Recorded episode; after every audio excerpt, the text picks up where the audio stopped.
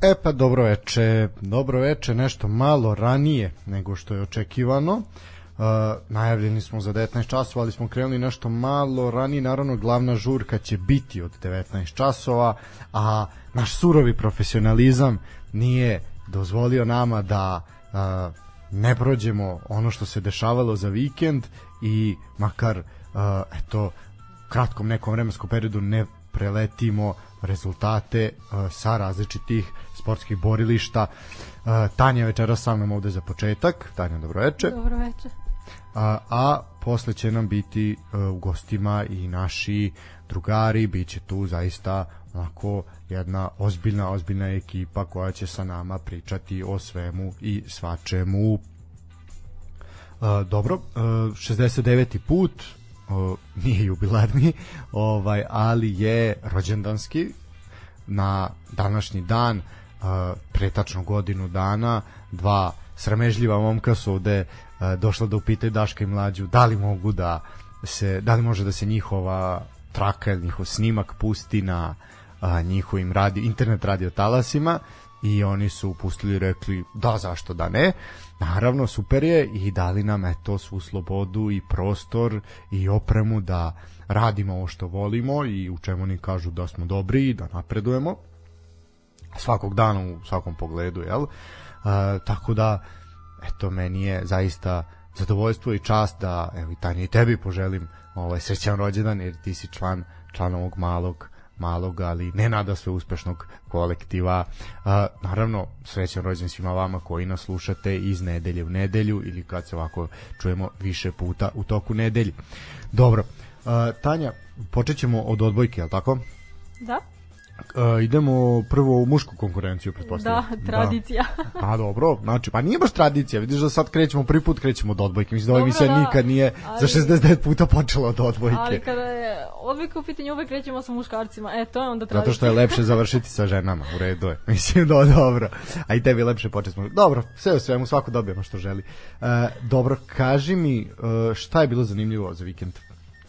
Pa odigralo su se dosta zanimljive utakmice, odnosno dobre ekipe su se susrele pre ovog play-offa i prva utakmica se odigrala između Crvene zvezde i Rivnice koja je po mom mišljenju definitivno i bila najzanimljivija utakmica.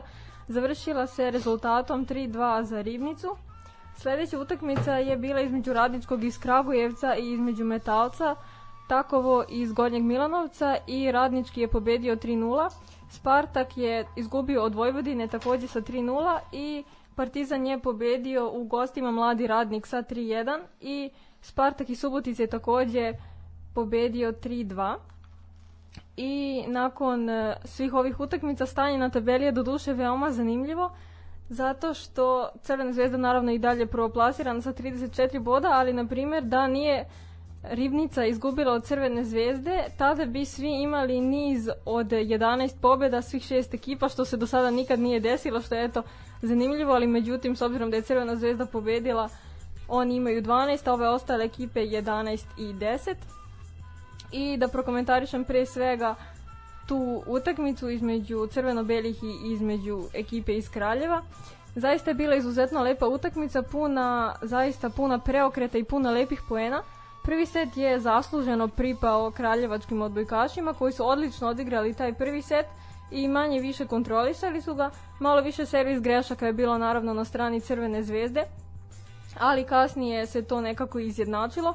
U drugom setu su se i domaći malo više razigrali i dali sve od sebe i nakon toga je došlo i do preokreta od 2-1 za crveno-bele u četvrtom setu i delovalo je kao da je sve gotovo za rivnicu, odnosno kao da je kao da je ekipa iz Kraljeva na neki način digla ruke, ali međutim tada je opet došlo do jednog lepog preokreta. Set su završili rezultatom 25-23, Rivnica se zaista probudila i pokrenula je jedan niz od zaista lepih poena, lepih napada i lepih servisa i u odlučujućem setu je ekipa iz Kraljeva takođe počela da vodi, ali nažalost joj je to vojstvo promaklo jer je Crvena zvezda očigledno pokazala veću želju za pobedom i prekinula je taj niz od tri uzastupna poraza, a takođe je prekinula i pobedu kraljevačke ekipe od pet pobeda u nizu. Tako da rezultat u odlučujućem petom setu se završio 15-13 za crveno-bele i svakako da je svima, da kažem i koji su gledali naravno, pošto je Odbojkaški savez Srbije i emitovao to uživo, e, svima je bilo zanimljivo to što je jedan igrač iz Kraljevačke Ribnice, to jest zvao se Ivan, to jest zove se Ivan Taforović, koji je inače rođen 1981. godine i zaista, da kažem i u ozbiljnim godinama za sportistu pokazao izuzetno dobru formu i lepu igru nam je pružio, tako da je sve, da kažem, zasenio time što je predstavio na toj utakmici. I kada sam već spomenula naravno i Vojvodinu koja je pobedila 3-0, nemoguće je ne prokomentarisati njihov nastup u Ligi šampiona koji je takođe bio izuzetan, iako su izgubili sa 3-0 od ekipe iz Berlina, ali s obzirom eto da sam ja prvi put u životu imala prilike da gledam uopšte utakmicu Lige šampiona i takođe i Vojvodinu, mogu da kažem da sam se zaista oduševila pre svega zato što je jako veliki broj ljudi došao da gleda i bodri našu ekipu. I taj prvi set kako su ga započeli je zaista bio toliko fantastičan. Vojvodina je vodila 10-5 i ja sam u jednom trenutku bila nekako ubeđena da će jednostavno naša ekipa da bukvalno pregazi ekipu iz Berlina, ali nažalost to se nije desilo. Bez obzira što su imali toliko vođstva u tom prvom setu, ipak su na kraju popustili i uspeli su da ga izgube. U drugom setu se Berlin mnogo više razigrao i postigao je zaista puno lepih poena i naši su se na neki način predali. Taj drugi set se jako brzo završio i delovalo je kao da je zapravo ekipi iz Berlina bilo potrebno samo malo više vremena da se uigra i da eto krene da kontroliše ceo meč. Treći set je takođe započeo nekako dosta loše za naše odbojkaše, sve do sredine seta kada je eto jedan fantastičan blok jednog našeg igrača zaustavio napad ekipe iz Berlina. U tom trenutku se publika toliko oduševila tim jednim blokom i toliko je skočila na noge da su jednostavno i igrači vjerojatno dobili tu neku motivaciju od te publike i pružili su zaista lep otpor i uspeli su da sustignu ekipu iz Berlina, ali opet nažalost su i taj treći set izgubili. Inače je utakmica započela, što je isto zanimljivo što se tako desilo, utakmica je započela servis greškom gostujuće ekipe, a završila se eto servis greškom naših igrača. Tako da je servis greška i otvorila i zatvorila meč. I U svakom slučaju to je to. Meni se lično jako dopalo, zaista je bilo uživanje gledati tu odbojku, zaista je bilo jako lepih poena, jako lepih napada, jako lepih servisa, zaista kvalitetna odbojka i želim naravno svu sreću da poželim ekipi iz Vojvodine i u nastavku i Super lige i naravno da se opet plasiraju u Ligu šampiona i da postignu bolji rezultat nego sada.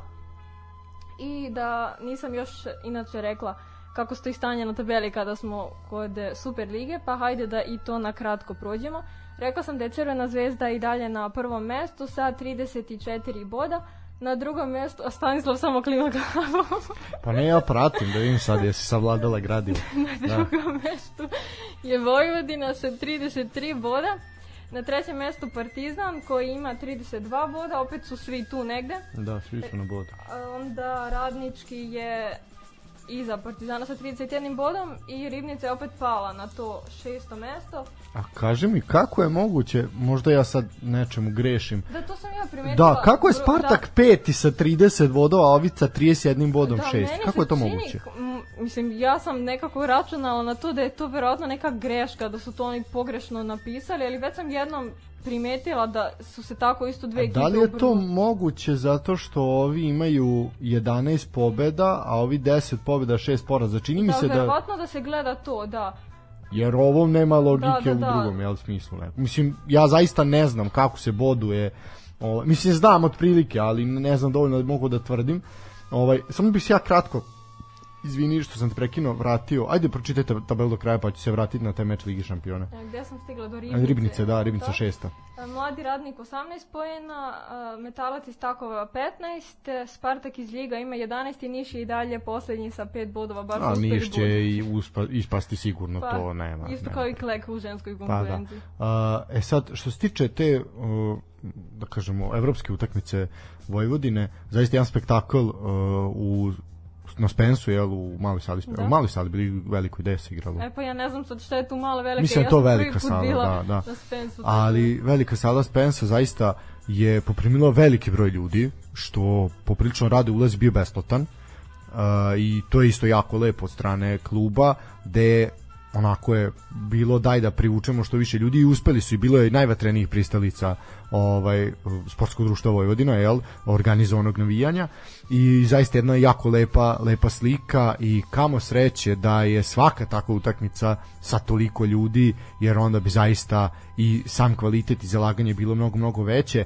Uh, ono što si ti rekla, prvi set je, mislim, čak malo, malo su se Berlinci iznenadili, nisu oni Da, očekivali sigurno, tako i verovatno je tu malo bilo, što kaže, servis greška, naš, glasna je bila publika u Spensu, ja sam pratio taj pa prvi ceo set i neku polovinu drugog, ali jednostavno već u pokazana je klasa u tom drugom setu jednostavno i naši su se tu malo predali, malo su stali, ovi su ih jednostavno posle pregazili, uhvatili su momentum i tu je bio tu je bio kraj.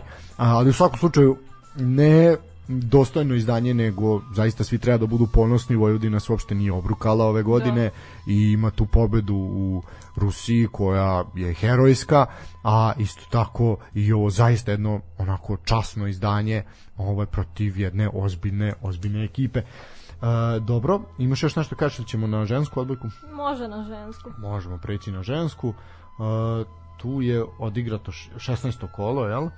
Ovaj kako je tu, šta je tu bilo zanimljivo? Ma da vidim da je uglavnom 3:0, 3:1. Da, pa manje više ništa što bi preterano moglo da se istakne. U prvoj utakmici između jedinstva i Kleka, naravno jedinstvo je sa 3:0 maksimalnih 3:0 pobedilo Klek. Klek koji Ma otpisan totalno, da, to. malo mi je bilo ružno da kažem. Pa ne, nema šta, ljudi nisu devojke jednostavno nisu nisu ovaj dorasle rangu takmičenja verovatno imaju svoj nekih unutrašnjih problema u klubu ništa puno sreće naredne godine i to je to Pa da, tu treba opet mnogo veći kvalitet. Ovo, ipak je ovo Superliga, takmiče se najbolji klubovi u Srbiji. A opet, ajde sad da spomenem baš i ovo, pošto inače živim nedaleko od Kleka i znam dobro te mlađe ovaj, devojke koje igraju. Uvek je nama koji igramo tu za Topolovac žitište i za te klubove, uvek kad čujemo da treba da se sastanemo sa Klekom, svi odmah kažu jao, to je to, gubimo gotovo, pošto Klek stvarno igra lepu odbojku i nekako one, ta ekipa iz Kleka je uvek uterivala strah u kosti tu negde kada ste u opštini Zrenjanin i u tim te, u tim klubovima, jel?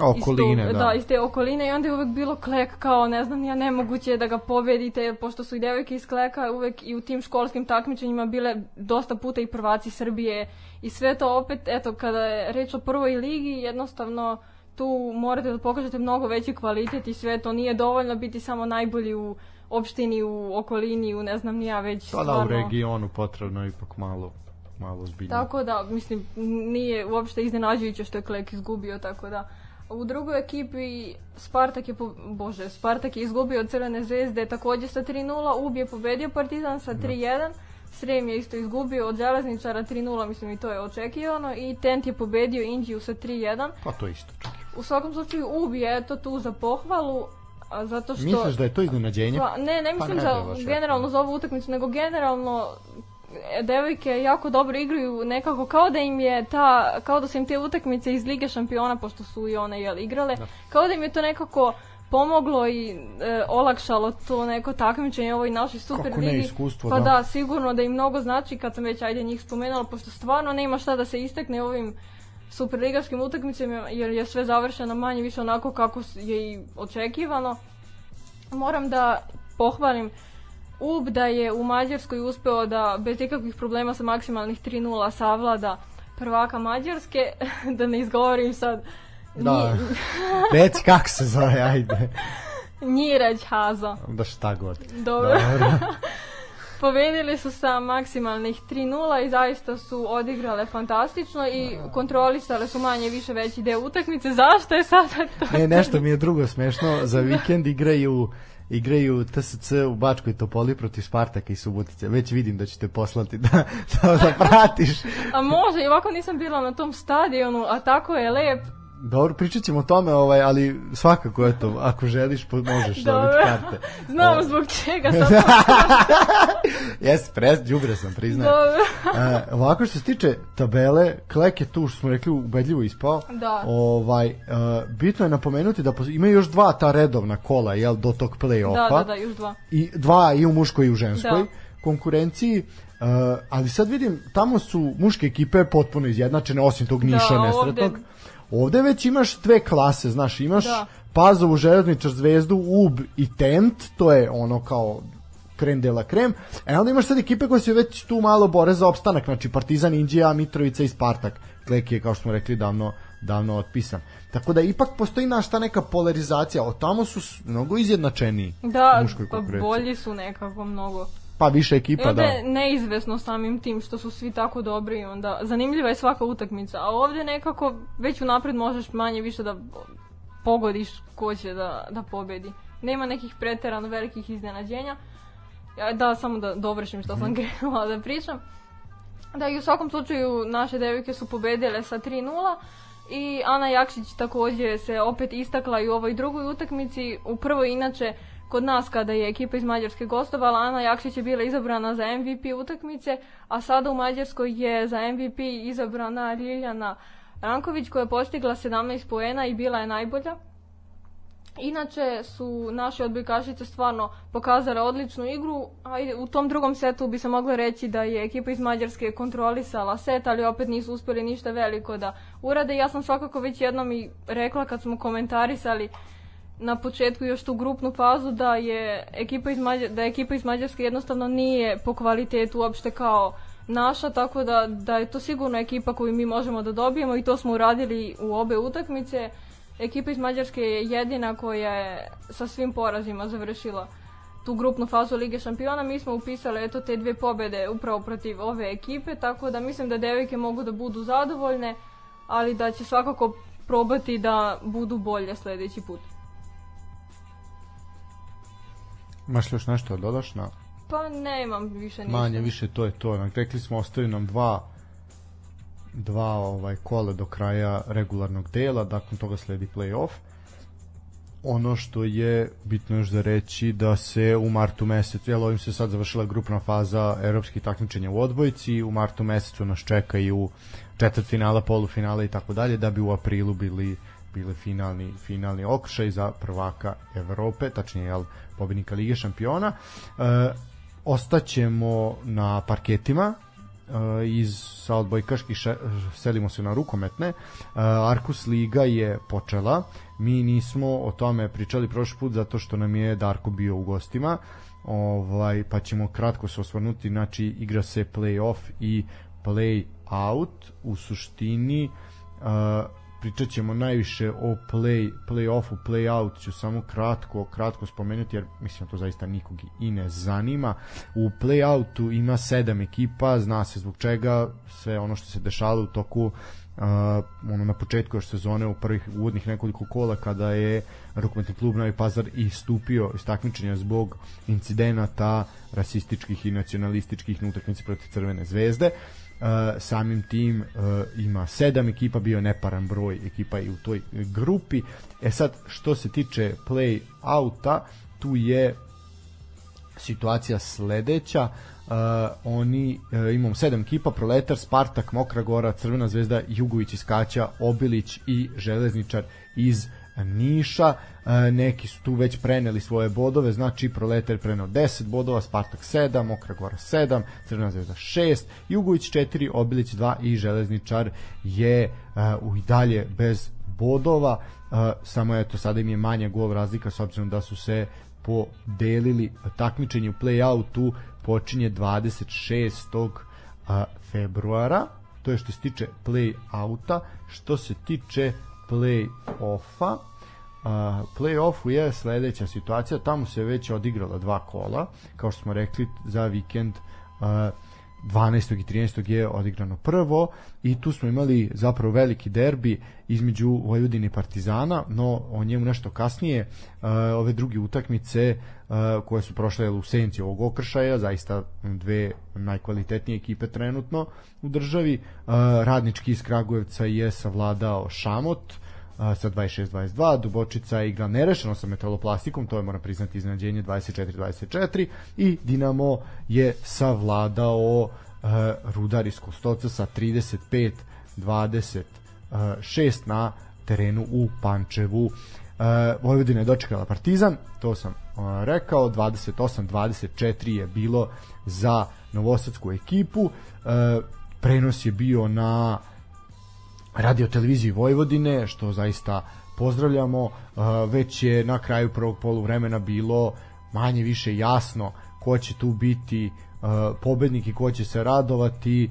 Vojvodina je već na poluvremenu vodila sa 16-11 i jednostavno može se reći da je Partizan bio i umoran zbog nastupa u Seha ligi, ali jednostavno Vojvodina je opet pokazala kvalitet i da verovatno ove godine o isto neće imati nekog velikog protiv kandidata za osvajanje naslova prvaka. Što se tiče play-off grupe, e, osam ekipa se tu nalazi i imamo sledeće, sledeću situaciju, znači e, Dinamo iz Pančeva je trenutno prvi, ali ima dva boda, Vojvodina isto tu sa dva boda, Radnički isto ima dva boda, Dubočica i Metroplastika po jedan, Partizan, Šamot i Rudar su bez bodova. Nakon prvog kola, drugo kolo je igrano uh, juče, sve, sve četiri utakmice i Partizan je savladao u Aranđelovcu Šamot sa 35-30, Vojvodina je bila bolja u gostima u kod Rudara u Kostolcu sa 27-23, e, Metaloplastika je kao domaćin u thriller završnici savladala Dinamo iz Pančeva sa 28-27, jedna fantastična utakmica je odigrana, dok je Radnički kao domaćin bio bolji od Dubočice sa 32-29, Uh, jedine dve neporažene ekipe ostaju Vojvodina i Radnički iz Kragujevca. Metal, sa maksimalnim, maksimalnim učinkom jel? metaloplastika je takođe bez poraza ali ima jedno nerešeno. Ostali su sakupili po dva, jedan odnosno i dalje su bez bodova. U narednom kolu imamo okršaj Vojvodine i metaloplastike to je meč koji će svakako privući najviše pažnje medija i publike. Ja pretpostavljam da će taj meč prenositi, ako ne radi televizija Vojvodina, onda RTS svakako. Partizan će u drugom meču dočekati Rudar iz Kostolca, Dinamo iz Pančeva će dočekati Radnički iz Kragujevca, dok će Dubočica u Leskovcu dočekati Šamot. Uh, u suštini, to je to što se tiče ovih manjih sportova, eto uspeli smo da za nekih 20 minuta sve to izdeklamujemo ovaj 25 minuta odlični smo ja predlažem da pustimo jednu pesmicu, pa ćemo onda polako ući u priču o domaćem futbalu. Namerno smo ostavili domaći futbal za kraj, zato što nas večeras očekuje nastavak takmičenja u Ligi konferencija što se tiče beogradskih crno-belih a naravno i Crna zvezda će u dogledno vreme odigrati svoj meč, vidjet će se još ovaj tačno u kom u kom terminu kao što znamo Zvezda je slobodna u ovom prvom prvom kolu ona će tek od naredne faze takmičenja nastaviti svoju borbu i pohod ka uh, po zašto da ne i trofeju Lige Evrope. Dobro, može jedna pesmica pa se vraćamo, možemo da predahnemo. Že, ajde, ja ovo više zbog sebe, zbog tebe, ali dobro. Ništa, pa kratka jedna pesma, pa se vraćamo.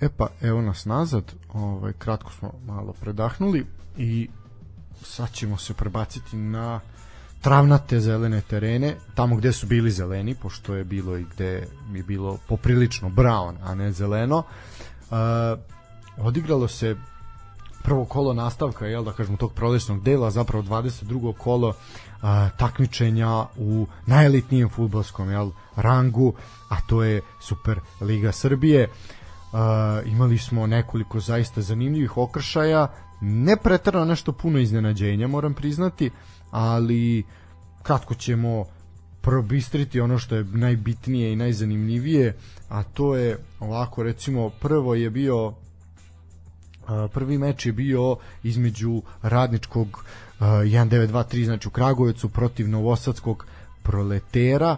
E sad uh, ovaj meč je dočekan onako uz jedan veliki u jednu veliku euforiju, jer Nenad Lalatović je potpisao ugovor sa radničkim iz Kragujevca da će biti trener do kraja sezone, ako ne i duže. E, I naravno sad će svaka utakmica u Kragujevcu biti posebno onako pa jednom lupom javnosti, jer Nenad Lalatović to i radi, on privlači pažnju tamo gde se pojavi, tamo gde radi. E, tako da e, što se što se tiče toga radnički je doveo nekoliko solidnih pojačanja. Najviše su doveli na to zapravo trenersko ime, jel, Nenada Latovića, koji ima moć da privuče i privoli sebi neki igrače koji se dvome između koje sredine da, jel, koju sredinu da odaberu i to je i uradio u nekoliko navrata pred sam kraj ovog prelaznog roka. Što se tiče same igre radničkog, naravno, Lalatović nema magični štapić i on nije mogao uh, eto, preko noći da promeni sve što ne valja u ekipi iz Kragujevca. Radnički je nastavio tamo ovaj gde je i jednostavno iz, i ostao na kraju ovog zimskog dela takmičenja, a to je porazima, šesti uzastopni poraz na njihovom terenu, ovog puta od proletera i jedini gol je pao u poslednjoj trećini meča u 74. minutu kada je Ognjen Mitrović onako prošao po boku, sam sebi podigao loptu i lepo šutirao, savladao Lukića. Zaista i najlepši detalj na meču, uh, jedan lep višak na toj levoj strani, centar šut je ovaj uputio Jovan Ilić, tako da zaista onako levom nogom jedan majstorski majstorski pogodak u dalji ugao. Uh, što se tiče ovog meča još je bitno samo reći da je ovaj meč ostao bez prenosa uh, iako je najavljena na areni. E sad tu je neka, ja nisam stigao to dovoljno da istražim, da budem iskren, mada sam krenuo, uh, to se desio neki blackout u 3 sata u celoj Evropi, jednostavno svi svi prenosi su su bili blokirani, ovaj uživo prenosi, tako da jednostavno ni arena tu nije mogla ništa ništa da uradi. Uh, što se tiče ove utakmice, uh, Proletar se probio do središnjeg dela tabele, a Kragujevčanima sa novim trenerom i eto novi poraz uh, nisu pobedili još od, septembra, od tamo negde posljednjih dana septembra prošle godine ostaje grčevita borba na krvi nož za opstanak. E sad Kiza Milinković kao smenjeni trener radničkog je imao šta da kaže i on je onako rekao da je nezadovoljan što je bio akter kako je rekao svojevrsne lakrdije i jednostavno morao je da prihvati ovaj odluku da je smenjen. Jednostavno čoveka su sklonili i nisu ga ni pitali kada je Lalatović rekao da želi da trenira. Ne znam zbog čega Kiza Milinković je čovek koji ima trofeje, ima uspehe u Ligi Evrope. Meni je to nije jasno zbog čega je to Lalatović dobio ako ne zbog te medijske pompe, zbog čega je dobio takvu prednost u odnosu na Kizu Milinkovića. Mislim da Kiza Milinković nije imao dovoljno vremena da pokaže šta zna. E sad, on je rekao da ga eto nisu zaboravili ni igrači ni zaposleni i da zaista su mu svi pružili podršku što je bitno da čovjek jel ne padne u depresiju. Tako da Kizo šta da ti radim? Nađi drugi posao lala te gledamo te. E, sa ovog meča koji je to nije mogo da se prenosi je usledio meč takođe radničkog. Ovaj put u Nišu protiv e, još uvek aktuelne prvoplasirane ekipe na tabeli Partizana i ono što je ovaj meč kao eto znaš kad ti počne liga tako što se prvi meč uopšte ne prenosi i kakav onda može biti drugi meč? E pa može biti totalno antifutbalski nešto što jednostavno onako je možda prava slika i prilika je naša marčina ovaj svima nama koji želimo i volimo da gledamo ovaj domaće lige zaista onako jedno pljuvanje u facu teren nedostojan, ne super lige nedostojan uopšte ni, ni onako jednog rekreativnog loptanja. Partizan jeste pobedio radnički, opravdao ulogu favorita. Oba pogotka pala su posle udaraca glavom u prvoj uh, akciji koju je uh, bila je prvi šut uh, Ricarda u okvir gola, čovjek je odmah postigao pogodak, ono što ostaje u 42. minutu, ono što ostaje i sam meč ostaje u senci povrede Aleksandra Popovića koji se nakon sudara sa igračem je doživeo ovaj lakši potres mozga, međutim dečko se brzo vratio treninzima nakon svih ispitivanja u bolnici i otputovao je sa ekipom u Prag, tako da će verovatno biti večeras i u prvoj postavi. E, sreće je što zaista ovako jezivi uslovi terena nisu prouzrokovali neke druge i veće povrede. E, što se tiče same igre ona nije mogla biti bog zna kakvog kvaliteta, jednostavno lopta odskače nekontrolisano, ne može se kutrlja i zaista onako bilo toliko peska da je, mislim, to, to, to bi bilo blato da je bilo mokro, mislim, pa je zato sad bio pesak, zaista, zaista jezivo. Uh, mada onda na kraju meča se pojavila slika iz prostorija na samom stadionu sa da li su to neke slačionice, neke kancelarije šta god daje, ja ne znam da li si ti to videla uh, gde su srušeni zidovi, ormani popadali, to toliko sve jezivo, tužno i jezivo izgleda da onda kako očekivati da uh, sam teren bude kvalitetan i da mi tu vidimo nešto kvalitetno, da ta podloga pruži ovaj tu kvalitetnu podršku koja je potrebna da bi igra ličila na nešto jednostavno to nije moguće i u takvim uslovima možda eto prava sreća što ni niko nije nogu polomio ili ono zglob ili nešto drugo sve u svemu završilo se Urošević je stavio tačku na kraj rečenice 84. minutu za 2-0 Radnički je nakon ove utakmice s Partizanom imao i duel sa Crvenom zvezdom kup duel do duše a naredni rival Partizana je upravo Lalatovićev radnički iz Kragujevca i to u Beogradu. Zanimljiva izjava Natha koji je rekao da je to bila plaža, a ne futbalski teren za igru i ka rekao je da je ovo najgori teren koji ikad igrao, na kom ikad igrao u svoje karijeri, a znamo da je on igrao u Rusiji gde su bile te, u Kazanju pogotovo gde su temperature išle i do minus 15, minus 20 ali jednostavno da biste uzeli titulu naravno morate da pobeđujete na takvim utakmicama i jednostavno nema uh, izgovora i ne sme stanje terena da bude izgovor za bilo šta jer kakav je vama takav je i protivniku. Uh, jednostavno i sama osuda i kompletnih medija i te neke futbalske sportske javnosti je okarakterisalo apokaliptično stanje zaista stra, kao film Strave užasa zaista jedna velika sramota za klub i za grad ovaj kao što je Niš, a i u krajnjoj za fudbalski savez Srbije. Uh, eto te fotografije o kojima sam pričao koje su zaista obišle državu je zaista ovaj jeziv, ali eto onda kakav može biti teren za igru, šta možemo da očekivati. Logično, postavlja se pitanje šta radi, čemu služi komisija za prijem stadiona, postoji li ikakvi kriterijum za igranje Superlige, osim partijske knjižice i partijskih funkcionera, i da li se išta tu poštoje, da li zaista neko provera kvalitet toga? I da li je zaista nekog briga kako to izgleda i kakva je, ne samo teren, kakva je igra na tom terenu. Uh, sa tog šamarči, sa te šamarčine i sa tog pljuvanja u facu koje smo imali od strane tog gor, gorkog ukusa ovaj tog istog što nas je pljunuo. Ovaj se selimo u Beograd gde je igran derbi ovog kola svakako a utakmica između Crvenog zvezde i Čukaričkog koja je opet obilovala drugim kontroverzama.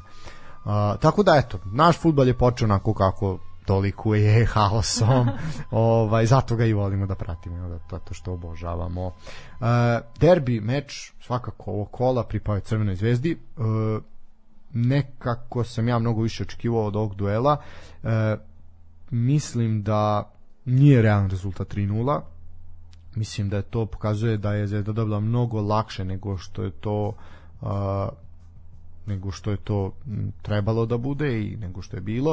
Uh, pitanje je kako bi se odvijela utakmica da uh, Drezgić nije isključen polovinom drugog dela.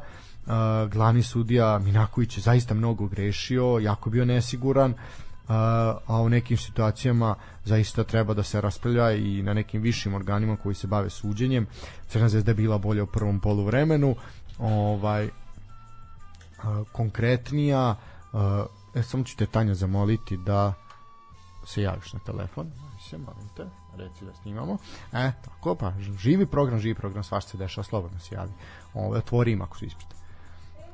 Ovaj, tako da zaista je bilo puno puno grešaka sudija i negde najslikovitija je ta ovaj uh, taj faul Pavkova u napadu kada je na Ipon oborio kada je na Ipon oborio e, igrača Čukaričkog ovaj jednostavno sudija je to uh, prevideo. Sudija je to prevideo, nije svirao, a onda smo posle dobili i naravno i nakon te akcije postignut pogodak, a onda je uh, posle izašlo saopštenje na samom kraju meča da VAR nije radio prvih 28 minuta. E sad, kako je onda moguće da a, dozvolite uopšte odigravanje utakmice, da utakmica počne ako a, niste neko VAR ne radi, ako svi sistemi a, ne, ne rade jednostavno to, onda nije regularna utakmica ako je VAR sastavni deo lige, ovaj onda jednostavno nije smelo da se da se nastavi ni da se počne. Uh, Pavkov je nakon te sumnjive ovaj akcije postigao pogodak za 1:0 uh, i tu je onako već bilo dosta dosta problema. E sad Zvezda jeste bila bolja u prvom poluvremenu. Uh, Čukarički je uh, bio konkretniji u drugom delu do crvenog kartona međutim e, Ohi je bio strelac eto i prvog zvaničnog pogotka u 76. dok je Drago stavio tačku na i ovaj u 79. minutu e, što se tiče Crvene zvezde, oni su jel imali nakon ovoga i meč protiv uh, radničkog iz Niša u kupu, ali dobro, nešto o tome ćemo nešto kasnije pošto je taj meč opet prijukao neke druge kontraverze i neke druge stvari na kažem jednu poseban fokus na sebe. E, dobro. E, 3-0 Crvena zvezda ostaju na minus 5 u odnosu na Partizan, a eto Čukarički doživio prvi poraz još od oktobra kada su izgubili u uh, Humskoj od Partizana. Dobro, uh, ja predlažem kratku pauzicu od nekih dva minuta da pronađemo neku kratku pesmicu, a onda ćemo uh, se vratiti sa ostalim mečevima. Dobro, ajmo slušati muziku.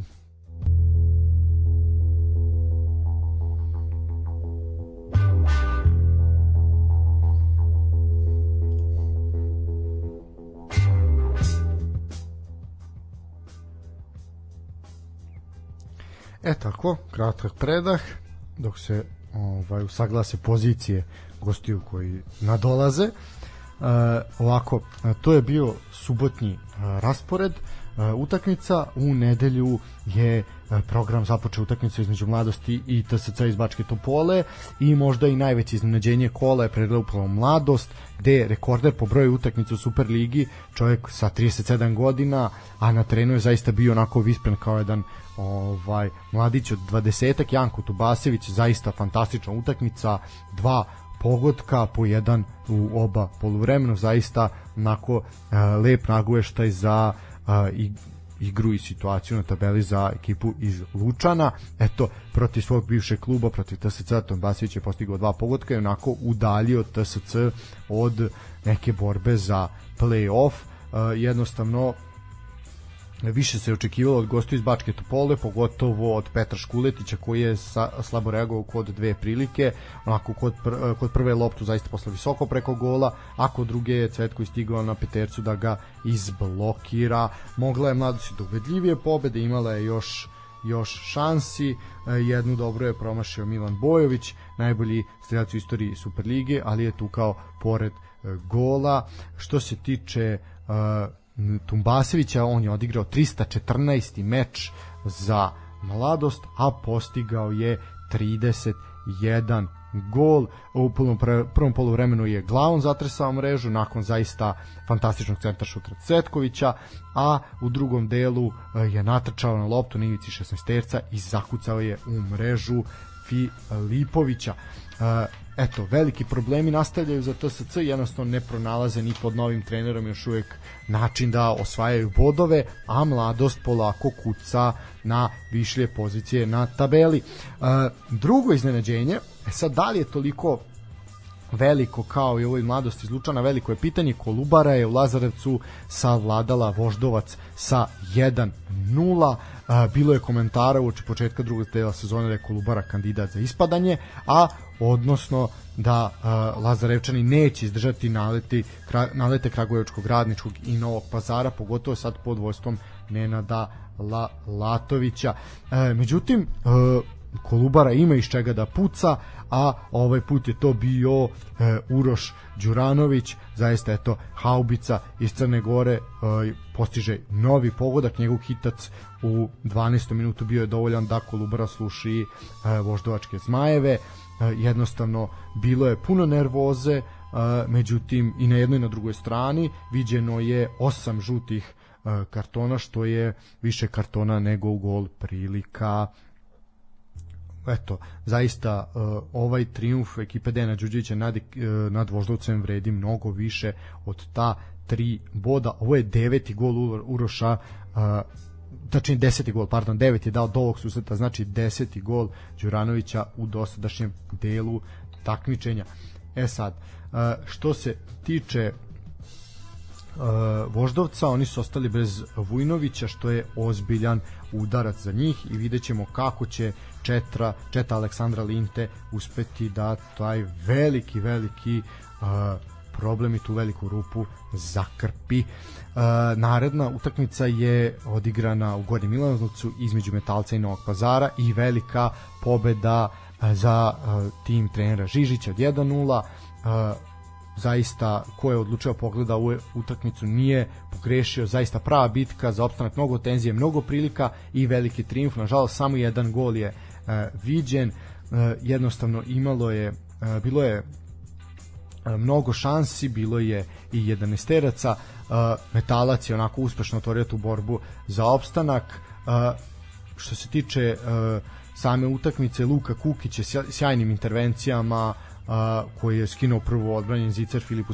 Stupareviću, odbranio i 11 istom igraču, kod drugog penala Kukić je jednostavno bio nemoćan i sredinom drugog polovremena jedan iskusan igrač metalca Damjan Krajišnik je bio siguran jednostavno nije ovaj dozvolio ni da golman Novog Pazara izabere stranu. Uh, što se tiče nakon tog pogotka Dragan Radojičić je reagovao, bacio je sve karte na napad, ubacio igru i pozajmljenog igrača Crne zvezde Ibrahima Mustafu i upravo je Mustafa imao kolosalnu priliku kada je izbacio Vlalukina iz ravnoteže, namestio loptu na jaču nogu i tukao pored gola. Novi Pazar je nastavio da napada, mnogo toga je u igri gostiju i zavisi od iskusnog Bojana Čečarića koji je dobio udarac u glavu strane Stajića.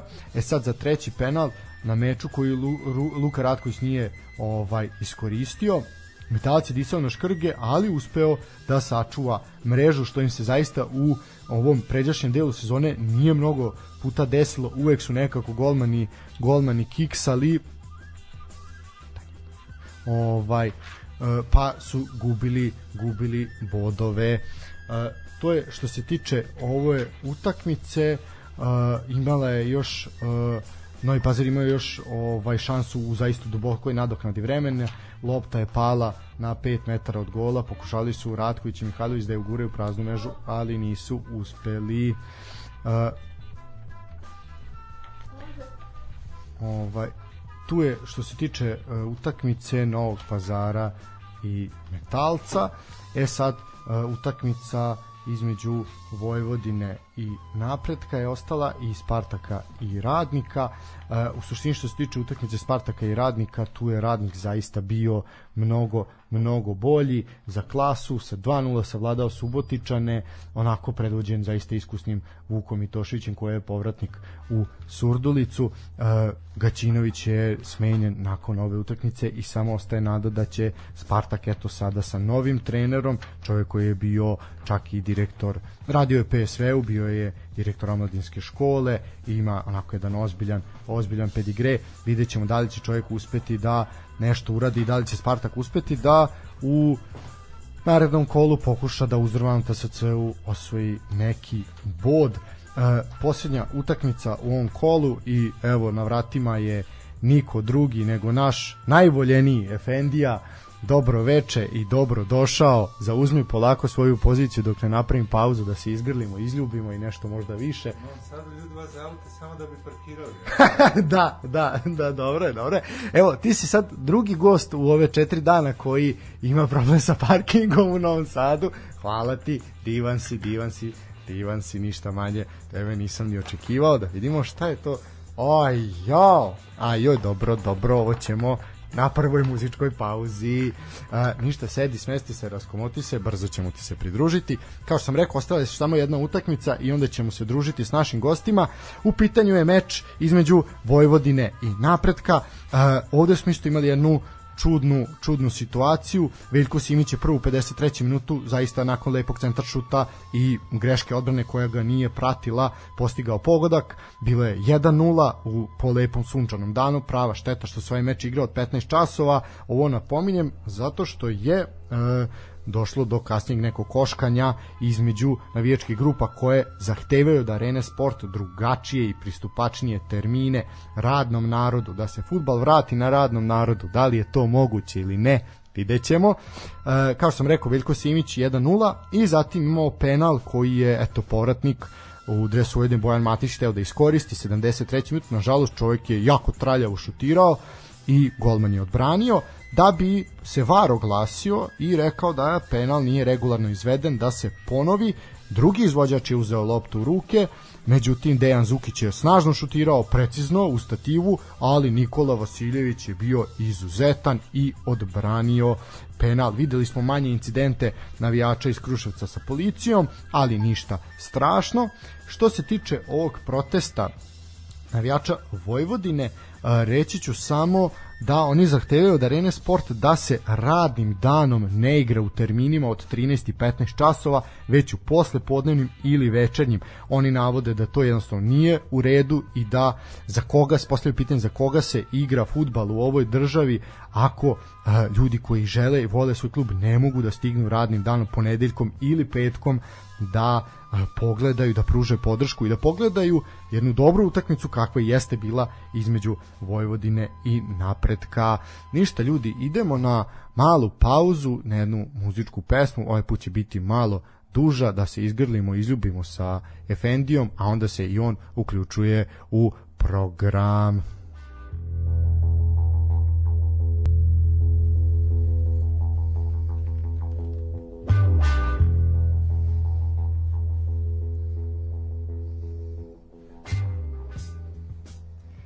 E, sad zvanično dobroveče, 19 časova i 10 minuta je, studio 1, Daška i Mlađe, a Kupek Efendija, drugi put među nama. Sad ti se izjednačio broj gostovanja kao na N1. To je to. Znači, 2-2 dva, dva je, ali dobro, mi imamo gol gostima, tako da ćemo mi brojci dalje. Ne znam kakvi su vam afiniteti, ali ovaj blizu ste, vidim da ih stignete čim šaljete izvještače na utakmice Partizana, ja mislim da N1 nema izvještača na utakmice. Mislim da mislim da samo RTS i mi imamo. Rekao sam ti ja, cilj je RTS, puca se odmah na visoko. Ne možeš tu, moraš sebi zadati cilj. Javna ozbiljno. kuća, javni servis. da, da, da, da, otprilike. Pa i mi smo ovaj tako, lakog morala kao i iz RTS-a. Ovaj, dobro večer, dobro ti meni došao. E, hvala i sretan rođendan, šta drugo da kažem. Hvala ti, ovaj, ti si isto zaslužan da ovaj, ustupio si nam velikodušno ovaj, ovaj tvoj bivši termin, sadašnji naš, koji je to omogućio da nekom normalnom vremenu ovaj malo ovaj, razgibamo ljude, a onda da ti posle ih umiriš svojom pričom o književnošću i da onako da ih sjebe. Da isne, da totalno da sa suzom u oku ovaj eh, navlaže jastuk i da zaspu, tako da dobro, sve to ta, taktički sve. Soroš je platio da tako utičemo na ljude, šta da ti kažem. Ovaj Kaži mi, ovaj, šta ima novo kod tebe i otkud tebe u Novom Sadu sad ovih dana?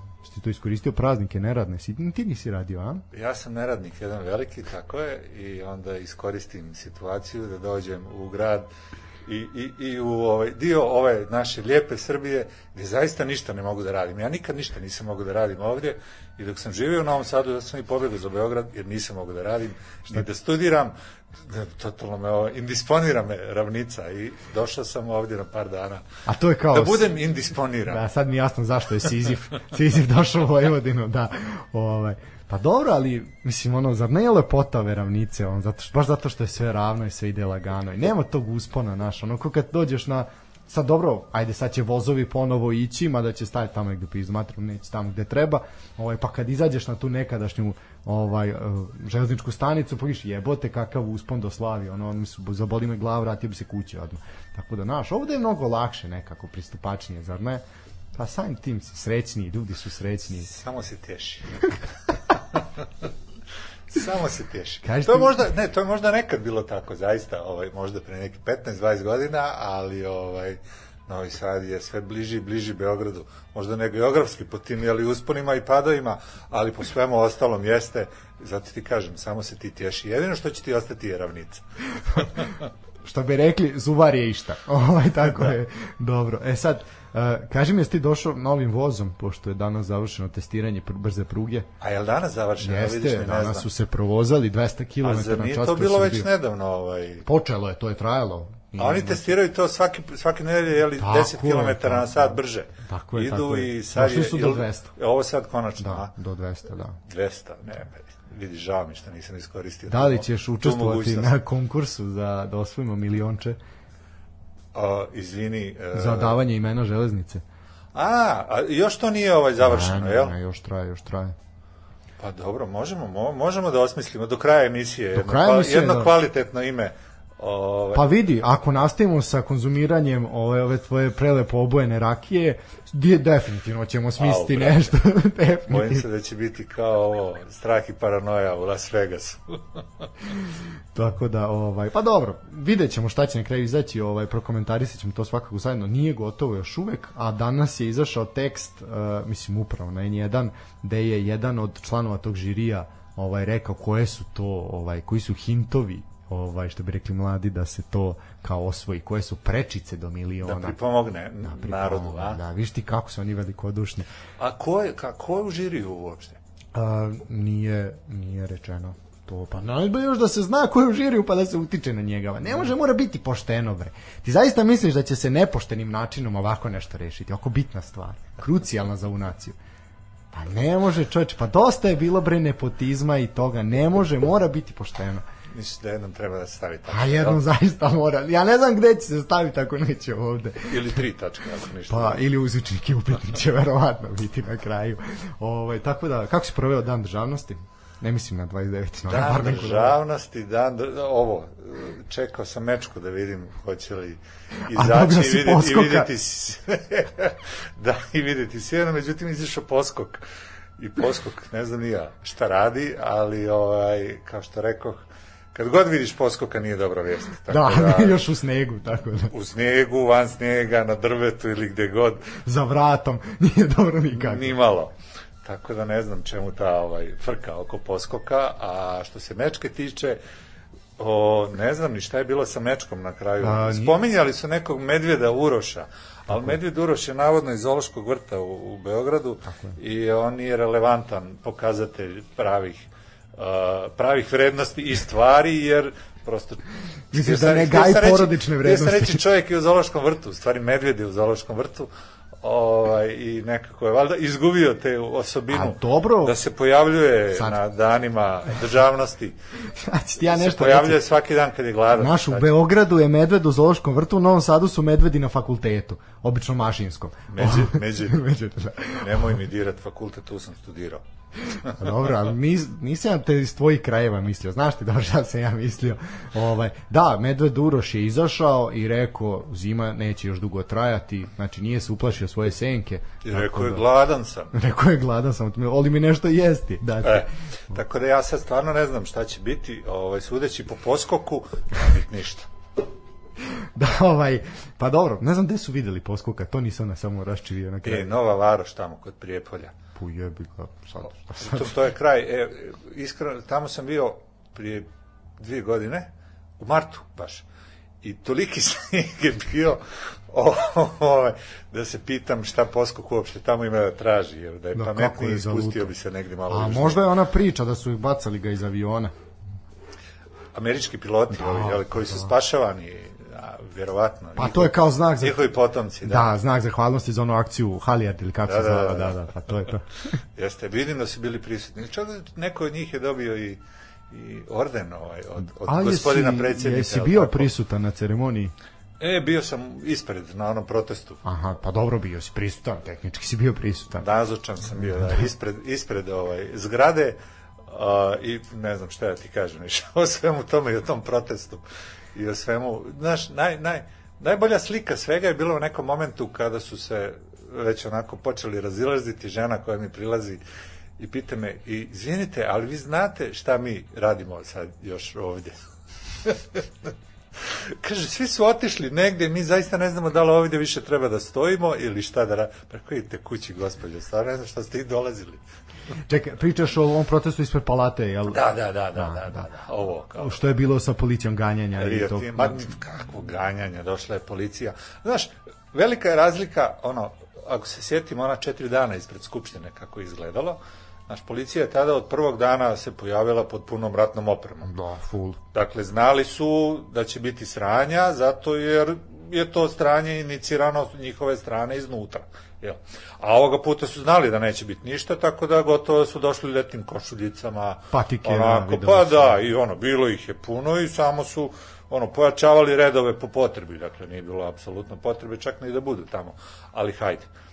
Lepo izgleda, znaš, izgleda za one goste koji dođu unutra, ovo kako je, vidite kako smo mi zbrinuti u ovoj državi. Tako da je, to je bio dan državnosti, jel da? Iako ja priznajem naravno samo jedan dan državnosti, a Slažemo se. pod ovom zastavom je bio. Tu smo. Ovaj, dobro, e, to je što se tiče e, toga, a što, ono što se dešavalo u samoj palati, ovaj, imaš neki komentar na ordenje koje je podeljeno? Pa ne znam da li smijem više da pričam, danas sam izašao na naslovnoj strani danas. Nisam ispratio, moram da priznam. ovaj, a vezano za Pahomija, naravno. To je... I za dodjelu, i za dodjelu Da. Aj, ordena. prvo da krenemo od manjeg sranja, uh, Johnny Depp. A Johnny Depp, šta, šta reći o čovjeku? Mislim, Johnny Depp je klasičan Uh, Mislim, nije on prvi takav, da. Pa naravno, klasičan prikaz čovjeka, znaš, gomile pisaca raznoraznih su dolazili ovdje, znaš, zato jer više tamo odakle su, jednostavno više nisu mogli da dopru do onog potrebnog nivoa, jeli, ljudi koji im je potreban, to su ko narkomani jebote, znaš. I onda kad već tamo ne možeš da dođeš do toga i kada si već u potpunosti medijski unakaženi. Svakako dođi lepo, brate, u Srbiju, ovdje ćete dočekati uz leba i rakiju i ima da te ko boga vozaju, razumeš. Pa da. Zvao se ti Johnny Depp, Peter Hanke ili kako god. Ovaj, ili Limonov ili ne znam ni ja. Pa, E. si, ovaj, Sigal i tako dalje i tako dalje. Steven Seagal, pa da. I to mi je negdje uvijek, ono, kad je taj Steven Seagal nesretni bio ovdje, sjetim se i uvijek sam pravio tu paralelu, on je dobio državljanstvo Tako je. iz Srbije, poslije toga i Rusije i ne znam ni ja šta sve. A negde u to vreme čini mi se da je Timothy John Byford, da, još je bio živ. Ovaj, čovjek koji je zadužio generacije radom na televiziji Beograd sa onim dečijim programom i svime čovjek koji u tom trenutku nije mogao da dobije državljanstvo ove jebene Tako države, tražeći samo A bio je tu penziju 40 i, godina, pa, da. da. da. E, tako da to najbolje, najbolje govori zapravo, jeli, kako takvi ljudi poput Johnny Deppa, eto, mogu. Ne bi se čudio da mu sutra daje počasno državljanstvo, diplomatski pasoš. Pa, ako Jer je je na mogla nivou Adriana ono, Lima, što ne mogla. ono što je pričao i o Kusturici i o svemu, to je zapravo na nivou svega što se ovdje priča iz 30-40 godina. Dobricu Ćosića pa nadalje, jel?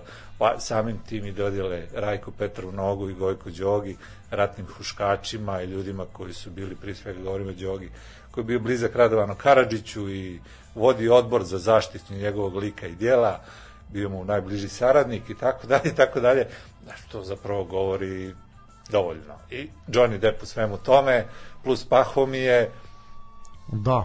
Hm, a Znaš. dobro, aj sad nije Pahom je dobio za svoje zasluge, nego ne je dobio bitno, kao ali je on dobio Da. u ime. manastira, tako Pa, je, da. jasno, da. Znaš, kao da taj manastir nema drugih ljudi koji mogu da prime. Pa dobro, ali ako se mora, vidi sad, Znaš. čekaj sad, mora se neki red, hijerarhija poštovati. Ne može Naravno, biti, pedofili dolaze Pa, prvo, a onda ostali. znaš, mora biti onaj ko je najzvučniji, jebi ga najviši čin ili kako god to nazoveš, najdužu mantiju ima, onda mora on da primi orden, a neko će drugi nešto da primi posle, kad se ovaj vrati. Tako je. Neće ni on još dugo, je li tako? A, Da. Daće, daće Bog. Da, da, da će ovo. Da. Da, zaista, ovo, I, eto. šta, I šta ćemo onda? I šta ćemo da, da, evo, usrali smo sve ovih 10 minuta, tako da to je to u suštini, to mi je bio državni praznik, doviđenja, prijatno. U suštini, e, da, ajde, najzvučnije je to svakako ime je Johnny Depp, to stoji. E, ono što je meni malo onako čudno su te neke institucije koje su podobijale ordenje, pogotovo na primjer Matice Srpske u Novom Sadu, onako to malo čemu sa šta smo im tu radili prošle godine da bi dobili, ali dobro. E, sve u svemu, Pa ti se pitaš zapravo šta je Iko uradio od svih onih ljudi da bi dobio bilo šta. Pa dobro, naš, da. Aj, znam šta je Pahom je uradio da bi dobio a ovo, ostalo da je u suštini upitno. E, šta još imam da te pitam, vezano je za drugo nešto što se dešavalo malo pre samog dana državnosti e, u Beogradu, a blisko je i ovoj našoj temi o kojoj mi pričamo ponedeljkom i ovako nekim drugim danima u nedelji, a to je sramotno ponašanje i novi rasistički nacionalistički ispadi uh, na sportskom centru Milan Gale Muškatirović na bazenima, pretpostavljam da se isprati onaj sramni transparent koji se prašnjavi koji se vadi već 30 godina svaki put kad je Pa po da. potrebi. Pod, mislim, vaterpolo utakmica, šah utakmica, hoćemo li ako jednog dana Crvena zvezda osnovi Karling klub, može i tu nema nikakvih problema da ta grupa koja na tribini sebe kao predstavlja navijačima, a u suštini su puno gore od toga, ovaj, da se pojavi i da svojim ispadima pokažu zapravo kakva su đubrat to od, od ljudi, bez obzira gdje dolazili i vrlo je jasno da oni nisu zapravo ni navijači, jer to što rade, rade na štetu sopstvenog kluba, ovoga puta naravno vaterpolo kluba, ali kao da to sportsko društvo više uopšte vodi računa o tome Bilo čemu, da. ko ovaj, im čini štetu, a ko ne. Da, ali ono što je najstrašnije je od svega toga ovaj što uh, je taj čovek jeste, ok, poreklom je, mislim, ako već prebrojamo krvna zrnca, da i to ne znam zašto se radi, on jeste poreklom iz Crne Gore, jeste hrvatskog porekla, ali je čovjek igrao za SCG, za Saveznu Republiku Jugoslaviju i za Veliku Jugoslaviju. Znači, jedini je e, od onih e, igrača koji se nisu koji nisu bojkotovali reprezentaciju 91. godine, znači ostao je i bio je tu kad je bila ta skraćena Jugoslavija, Slobina i tako dalje i tako dalje. Znači, igrao čovjek za tvoju reprezentaciju, zar ti to nije dovoljno? Osvajao medalje s tvojom reprezentacijom, radovao si se njegovom uspehu golovima, čovjek primljen u kuću slavnih, prvi crnogorac u vaterpolu kućni slavih. Znači, je moguće da da se to tako lako zaboravilo ili se nikad nije naučilo? Pa nije se nikad ne naučilo, ali zapravo nije, kao što sam ti rekao, nije suština u tome da li se naučilo, ne naučilo, da li se zaboravilo, nije zaboravilo. Suština u tome da tu sportski uspesi uopšte nisu bitni. Suština je u tome da ti ljudi nisu tu zbog vaterpolo kluba, zbog futbalskog kluba ili ne znam nija čega, to je prosto jasno iskazivanje što političkih stavova i negde u neku ruku isto kao što vidimo jeli, sa svim tim crtežima Ratka Mladića i sve, zapravo je to poruka javnosti i svima onima koji su protiv, čija je ovo država i čiji je ono grad, čiji je ono klub i Čije ko su mjesto, tu, da. znaš, i ko je tu taj ko odlučuje da li može ili ne može. Tako. Znaš, ja se samo pitam kada će ono, znaš, kad će se pokazati neka vrsta bunta protiv toga, Pa znaš. to je najstrašnije da je tamo bilo 200 ljudi prisutno, da niko nije ni izviždao makar to. Ništa. Pritom da igrači nisu u naredni, znači to se digla ozbiljna frka, svi portali su preneli, večernje novosti su, znači u, što bi rekli, tiskanom izdanju, ovaj, objavili, mada sam tekst neću komentarisati, to je problem za sebe, ali ok, znači svi mediji su ti preneli, nije bilo samo po kuloarima i da nijedan igrač, nijedan predstavnik uprave, niko nije izašao da zaštiti tog čoveka. Pa naravno, pa šta se desilo jučer na klub utakmici Zvezda i Radnički? Možemo pričati o tome, doći ćemo i do desilo? toga. Desilo se to je da, da su ganjali čoveka, Tako je. ono, koji je prišao nešto što je postala redovna pojava, kao na utakmicama da priđeš suprotnoj navijačkoj grupi i utišaš ih time što si ili dao koš ili dao gol ili ništa i ovde ne da su ga navijači ganjali, nego su ga ganjali futboleri zvezde. Evo. To da, mislim, Bilo rezervni, bilo ovi kao, znaš, vidi, poganjao ga je Nenad Milijaš koji za 20 godina futbalske karijere nije onakav sprint izvukao kao, kao, mislim, ko se seća njegovih igara i partija zna o čemu pričam. Nije čovjek tako istrčao nikad u karijeri kao sad što se zaleteo na ovog klinca. Mislim, ja ne kažem da je njegov Ovaj, aj doći ćemo do toga, daj da sam prvo završimo sa ovim. Da, jel to je Pa tolika dio posebna te- tema, to da. je- ali to je dio istog problema, iste priče, znaš. Jeste, da. Jer ko je ovo osudio, znaš, ako je moguće tako nešto da se dešava, zašto onda ne bi bilo moguće, znaš, da se na tribinama dešava ovo i da se klub u potpunosti ovo gluši, jer klub je nositelj nasilja. Tako je. Znaš, Da. Mislim, znaš, ono, oni su odmah rekli zašto nije krivično gonjeni, ali transparent nije, taj, taj, ni sam tekst transparenta nije krivično delo. Znači, to što tu piše jeste uvreda, ali ne možeš ga goniti, goniti po krivičnom zakoniku, niti prekršajnom. Ovaj, problem je što je izostala reakcija društva.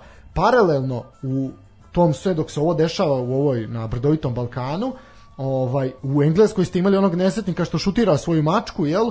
Pa su ga svi živi raskinuli ugovore, ovaj igrač West Hama, jel? 300.000 ga je kaznio klub, pa Adidas raskinuo, pa ovi zapretili da će napustiti klub sponzori i tako dalje, tako dalje. Čovjek će završiti karijeru u nekim niželigaškim klubovima ili tako nekim obodima istočne Evrope, ovaj ili u Srbiji. Ne verujem da će baš dođe do Srbije, ali tako neka ono Rusija će biti ili neki Kazahstan ili nešto tu će završiti karijeru. Znaš, tako da ono imaš totalno dve različite kulture ponašanja. Uh, meni je zaista neverovatno da niko živi, ni jedan igrač, ni jedna legenda igračka Crne zvezde nije rekla Alo ljudi šta radite, ste vi normalni čovjek? Je došao da spašava klub, vi ga terate na zbog toga, jer je zvaničan ra, zvanično saopštenje, pazi, navijačka grupa izdaje zvanično saopštenje gde kaže da njima bode oči to što je on bio član DPS-a, jel, ovaj, i zastupnik u nekom mesnom odboru ili već šta, mislim čak nije ni neki visok, Pa da. visok nivo. Pa da. Tako da, mislim, to je suludo samo po sebi. Ba, pazi, ti si tu imao grupu od, ne znam, dvestotinjak, jel? Pa, otprilike, da. njih, a sjeti se Zvezde Milana i Ibrahimovića i onog što se dešavalo imao 20, u takozvanoj VIP loži, gde mi evo ni dan danas ne znamo ko je bio taj moron koji je dobacivao, što je, a očigledno je sve bilo iscenirano, jer je neko to i snimao. Ovaj je rekao, ej, snimaj. Jednako kao što su oni tupovi škorpioni išli pa klali ljude po Bosni, pa su snimali, što im je na kraju bila, razumeš, i presuda. Snimali su jer su mislili da će s time da prođu, jeli, super da će biti heroji, na kraju oni jesu ovdje heroji, što je najgore, završili su u zatvoru, dobili su kazne i sve, pa tako i ovaj Tupovac isto rekao, ej, snimaj, sad ću malo kao Zlatanu da jebe mater muslimansku i tako to, jebote, u toj VIP loži bilo 10 ljudi. Pa tako je. Znači, Znaš, nije to sad kao ne znaš ti ko je. Tako je, nije, pa da, to sad, znaš, uče se paralela sa tim, ajde, možemo se prebaciti na tu kupu utakmicu, koju ja namerno nisam prokomentarisao, sam ostavio, ovaj, kada ste iz sporne situacije, kao, naš, imaš ono, lju, igrači... Marko Marković. Da, da, da, igrači su se žalili da su ih neko ih je onim zelenim laserom ometao i igrač je prišao sudi da kaže, koji, koji je rekao, i to je sudija u pravu, ne mogu ja sad ganjati nekog tamo budalu na tribini koja sad gađa laserom, mislim, nemoguće je na punu tribinu, sudija je trebao drugačije da reaguje, nije trebao da slegne ramenima. Naravno da je nemoguće naći pojedinca, još uvek kod nas je nemoguće, ali je postojale su metode kojima se moglo to rešiti i dovesti da bude izvođenje penala onako kako treba, pošto sad cela država će tri dana raspravljati o tome da li je Borjan zagazio liniju ili nije zagazio liniju. I sad je to vest u svim medijima. Sad će se opet podvlačiti koje kakve crte, gluposti i tako dok neki drugi izlače neke druge crte, jel? Isto da. bele. Ovaj, tako da, ali ne petama. A to je suština ovih svega, znaš. Pa da. To Za, ti za, zato mislim, znaš, da, ovaj, da se ja pitam, ja bi to fino poukidao sve, Pa to ti je ono- vratio u neki amaterizam, ali vidi zdravi veće, veće i- debeli amaterizam, znači i- ne pa, može amaterizam. Nije, znaš, kad se tolike pare vrte, a vrte se, dalje, da. znaš, nije amaterizam, ne možemo da pričamo. Amaterizam je po kvalitetu. To je sad već druga stvar. Znaš. Ali imao si, ne znam da li si video slike iz Niša, gde ono izgleda jezivo. Više je peska na terenu bilo nego trave. Pritom su onda osvanule slike gde su slačionice, srušen zidovi, padaju ormani, padaju, znači to jezivo izgleda. I mi pričamo o nečemu, o, o tome kako će se renovirati stadioni, grade se stadioni. Čemu bre, kome? Pritom igra se futbal u 1 sat i u 3 sata radnim danom i u pravu je navijačka grupa ovaj, što prati Vojvodinu Za koga bre se igra? Za koga onda igramo u 3 sata? A znaš šta mi je tu slatko to kad se pročitao vest? Da, ti su leto oni tom se, momentu, Da, da. ne, oni se obraćaju arena sportu, jebote. znaš, čekaj malo. Ali, pa ne, ali vidi, Gde oni kucaju na dobra gde je tu vrata. futbalski savez, znaš, Pa gde je tu bilo ko, bilo što. Pazi, ti se obraćaš, da. Ali oni se obraćaju na pravo adresu, Da. jel Arena to- Sport određuje termine. Jeste, ali to ti govori ko, daš da je to otišlo u tri pizde materine sve. Naravno, i tu je problem, Arena je otkupila sad 16 liga koje kakvih, ovaj državnim parama, aj to sad je to je tek druga tema. Ovaj i naravno sad nemaš gde da ubaciš ovu našu bedu koju moraš da prenosiš jer je to ipak liga iz tvoje države s kojom Telekom ima ugovor. Telekom je sponsor polovini klubova, razumeš? Znači normalno će prenositi svaku utakmicu i onda ih ubacuješ u matine termine od 13 časova.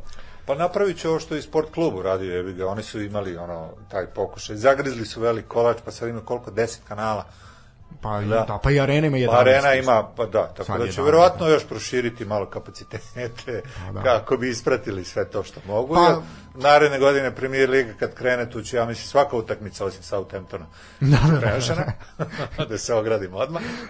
ovaj, kad smo kod Southamptona, da li si pročitao vest da je vlasnik Southamptona, ili tačnije vlasnik akcija Southamptona, Dragan Šolak, zainteresovan za kupovinu u našem regionu ovaj, za Istru, 1961. Istru? Ovaj, pa da, to su tebi tamo bliski. Da. Ovaj, nisam, nisam, stvarno, ovo mi je ovaj, prva vijest, ili što bi se reklo. Da, zainteresovan je za kupovinu. Ovaj od trenutno je neki baskijski konzorcijum vlasnik ovaj Istre i uložili su negde oko 11 miliona eura, naravno nisu uspeli ništa da urade, jer je Istra i dalje zakucana na deveto mesto i večno će biti deveti. Solidno deveto. Solidno deveto, dovoljno da ne ispadnu. I ovaj sad eto Šolek se pominje kao eto da će uložiti u klub ako dobije još neke lokacije gde bi mogao da bude hotel gde bi mogu spominjam se o neku staru robnu kuću sad ja nisam zapamtio tačan naziv budem iskren tu će biti hotel vamo će biti stanovi i tako dalje i tako dalje ali evo ti uzmi ovo lukrativan biznis, znaš. Nekako se uvijek to svodi na to, kao kupovine futbalskih klubova se svode na opciju, može, ali ukoliko dobijemo još, znaš, kad su ovi kupovali rijeku, ovaj, onda je bilo pitanje kantride, jeli, od koje su odustali na kraju, koju bi preuredili praktički, a u, podmogu, u mogućnosti, odnosno, pošto ispred onog stadiona je ogroman jedan parking i sve, da se tu fino napravi isto neki hotel, tržni centar, pizde materine, šta tu već ide, jeli, kako bi se isplatila uopšte kupovina. Pa jer ne može drugačije šta? se isplatiti. Mislim, to je ako pogledaš, to su sistemi funkcionisanja svih većih, to su ogromni sistemi koji funkcionišu upravo na takav način, gde ti uvek imaš tržni centar, restorane, hotele, to tako jednostavno ide, ne može da. drugačije. Je li ovo rupa bez dna? Pritom je ovdje lokacija Rijekina na Kantridi savršeno je odmah uz more. Tu, Da, pr- da, znaš, ne, ne može bolje. Ali, mislim, dobro jeste, tako je, ali samim tim, pa vidi, i Pula je fantastična lokacija. Da, da, pa. naravno, nema šta. Tako da, ovaj, drago mi je da smo ovaj, ovako izbistrili, ja mislim da je vreme da pustimo neku pesmicu ili dve, ovaj, da se malo mi podružimo ovako privatno, pa ćemo nastaviti dalju priču. Imam svašta te pitam i ti si ekspert za jednu temu koju ja samo s tobom volim da bistrim. Ništa, uživajte pa se čujemo za koji minut.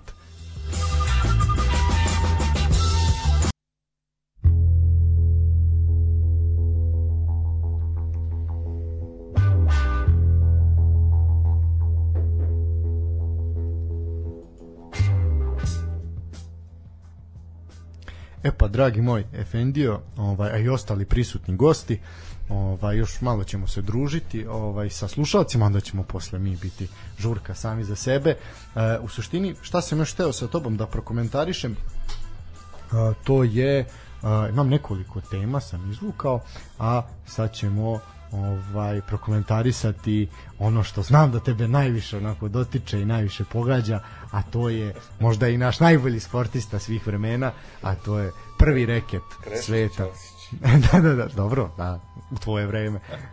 Zato nisi dobio 100 eura. Da je u tvoje vreme dobio bi 20.000. jel? Čačino, da.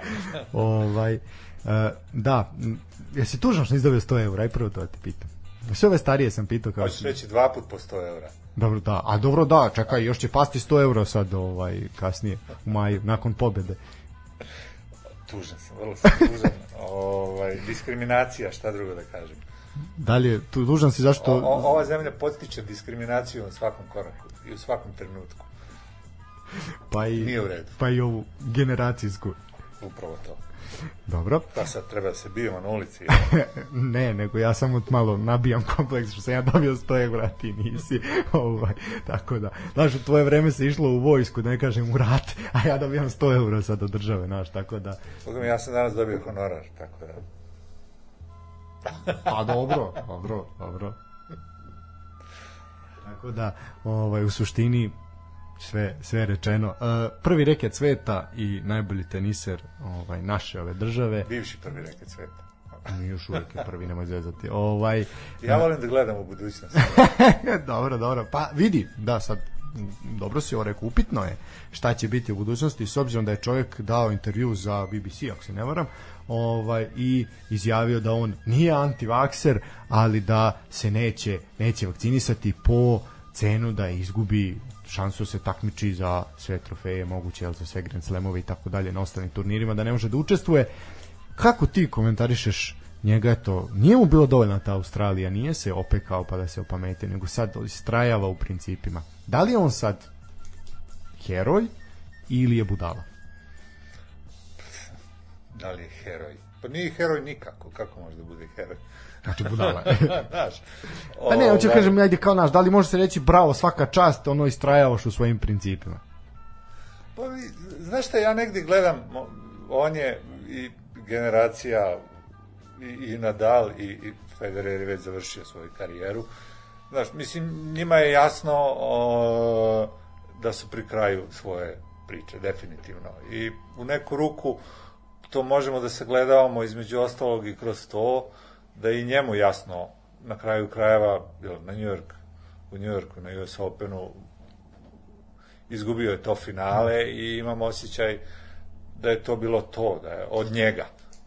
Znaš, što se tiče Grand Slamova i svega i negde čak mislim da je i on svega toga svjestan i u neku ruku mu ovo dobro dođe kako bi ovaj i opravdao taj svoj pad. Možda grešim, ne znam, ali svakako čovjek koji je osvojio i toliko Grand Slamova i zaradio toliko para, mislim, šta njemu više treba u, u životu? Pogotovo sad kad je Nadal osvojio, jeli, Australiju, znaš, da li će on ponovo moći da osvoji neki Grand Slam, to je veliko pitanje. Mislim, ja nisam zaista, ti me pitaš kao da sam ja stručnjak za tenis. Ja tenis uopšte ne pratim. Nisam te osim, osim o- ove, ove budalaštine koje imaš prilike da čuješ, razumeš, sa strana. E, Ja, se, ja sam te pitao kao stručnjaka od- za te budalaštine. od Australije pa nadalje. Znaš, na kraju krajeva, ono što, znaš, tu ne možeš da ne primijetiš da, znaš, zašto se njega uopšte pita za Da, bilo on šta, faktor, da. za bilo šta slično, ono. On, naravno, kao i svi, mogu imati svoj stav, ali zašto ga se pita i zašto on osjeća potrebu da ga uopšte iznosi javno, mislim.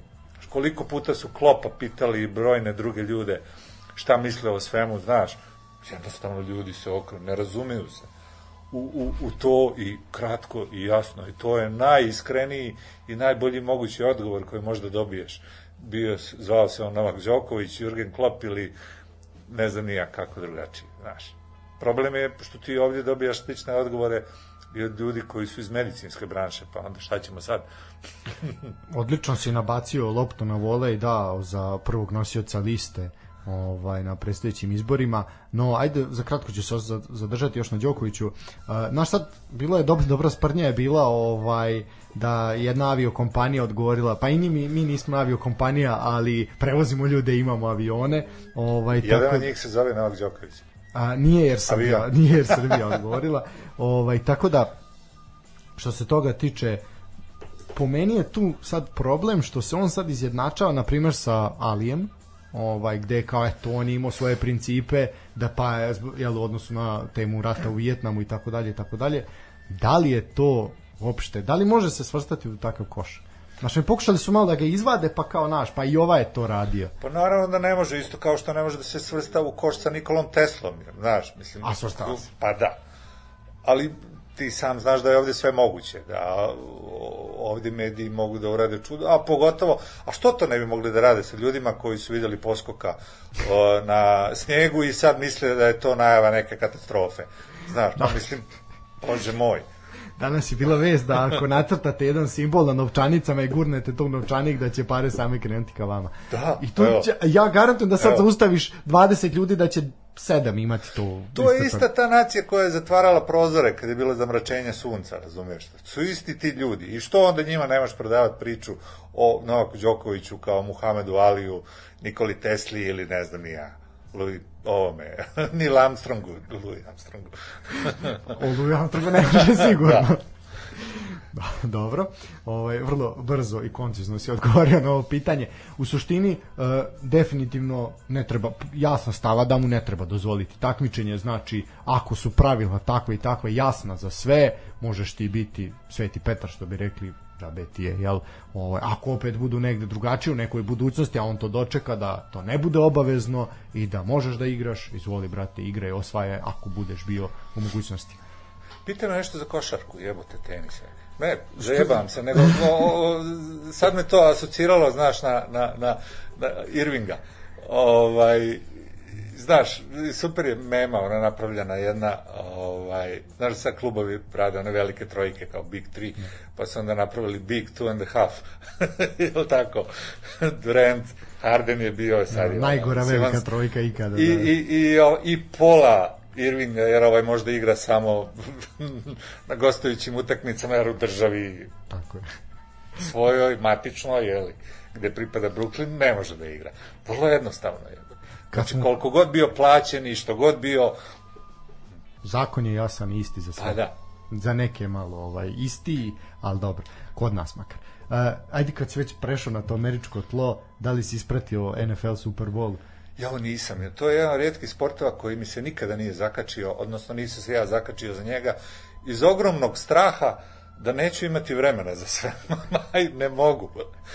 Prosto ne mogu. Ovaj, I nekako propuštam, to jeste da sam, ono, ne možeš da ne ispratiš i ne čuješ šta se dešavalo u pauzama i tako, ali ovaj, generalno ne, ne, ne. Uh, pitam te upravo zbog te pauze i ono što se dešavalo u tom čuvenom Pepsijevom halftime showu, jel, gde su izvukli iz naftalina ovaj rap legende s kraja 90-ih i početkom 2000-ih i to sad čuveno da li je Eminem trebao da klekne, nije trebao da klekne, da li smo oni to rekli, saglasni bili sa njim ili nisu bili saglasni, tu se onako podigla poprilična, poprilična frka oko svega toga, ali ono što je meni negde najtužnije bilo što oni svi izgledaju ono kao, ne znam, preparirani. Snoop Dogg je jedini liči na sebe, ovi svi ostali izgledaju kao moja rodbina, ono posle sezone slava, znači Da, da, da. katastrofa, ni na šta ne liče.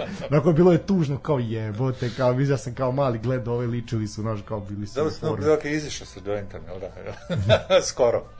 Pa da, ali okačiti 50 centa koji ima 30 kila viška da opet visi s plafona je malo bilo malo porazno.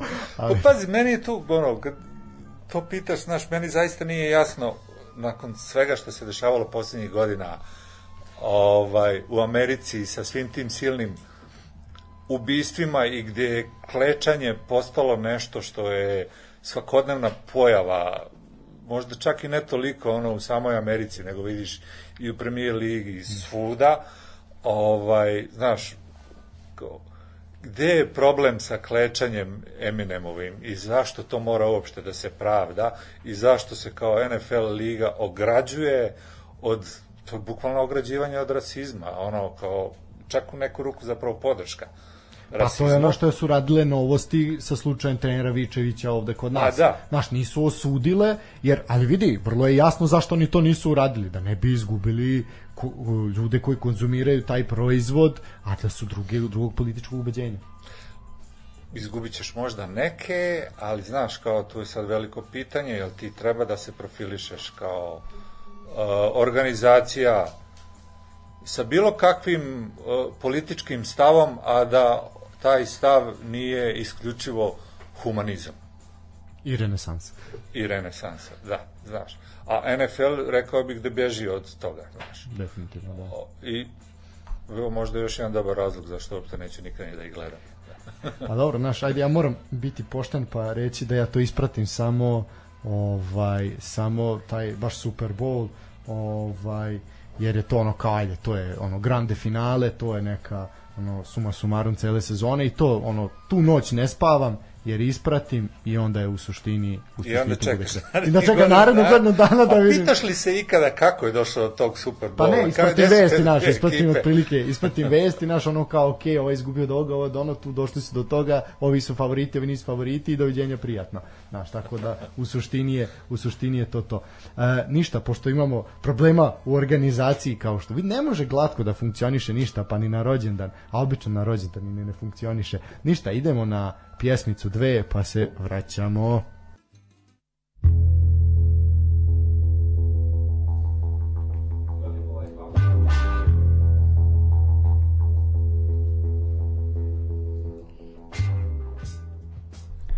E pa dragi moji, mislim možda i jedno od posljednjih uključenja, ovaj, a ono najslađe sam ostavio na kraj, mada je dragi naš Efendija pokušao to da mi malo ovaj, istegne kontrolu iz ruku, ali ovaj nisam si ja dao.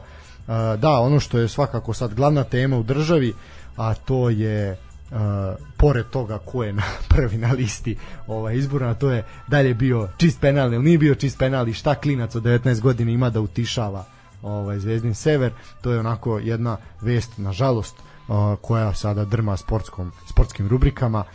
Ono što je tužno i šta se zapravo prikriva, a to sad neće biti da su ti penali ispravni ili nisu ispravni ili je taj dečko ovaj uradio ispravnu stvar ili nije uradio ispravnu stvar. Problem je što je igra Crvene zvezde bila toliko očajna da to nije normalno. Znači radničkom iz Niša nisi mogao da daš gol ekipi koja se bori za opstanak, imao si penal, čovjek je odbranio penal 0-0, došao si do izvođenja 11 što bi rekli penali su lutrija. Zvezda je to imala sreću da prođe dalje imala i Borjana na golu. Uh, ono što je obeležilo a to je taj potez Nikole Štulića mladog igrača koji je došao iz Partizana u radnički u Niš.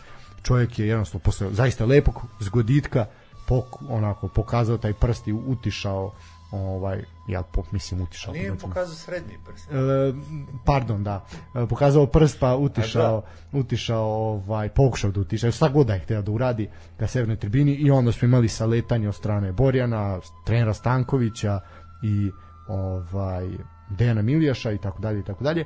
Na što je to dete mislim dete, dečko ima 19 godina, danas izjavilo da je dobio i nekoliko udaraca u toj gužvi i toj frci, što je naravno bilo da ga je neko dokačio laktom, ništa manje se nije ni očekivalo, ali on se izvinio i rekao da možda nije to trebao da uradi i da je onako možda je to bilo u nekom naletu nekih emocija i strasti, ali nije mu za zameriti, dečko ima 19 godina i mislim da to uopšte nije toliko neki strašan incident. Mnogo je strašnije što su ovi mnogo iskusniji i duplo stariji od njega zaleteli. To, to je mene više brine. Da se na njega zaleteo klinac od 19 godina, ja ne bih rekao ništa.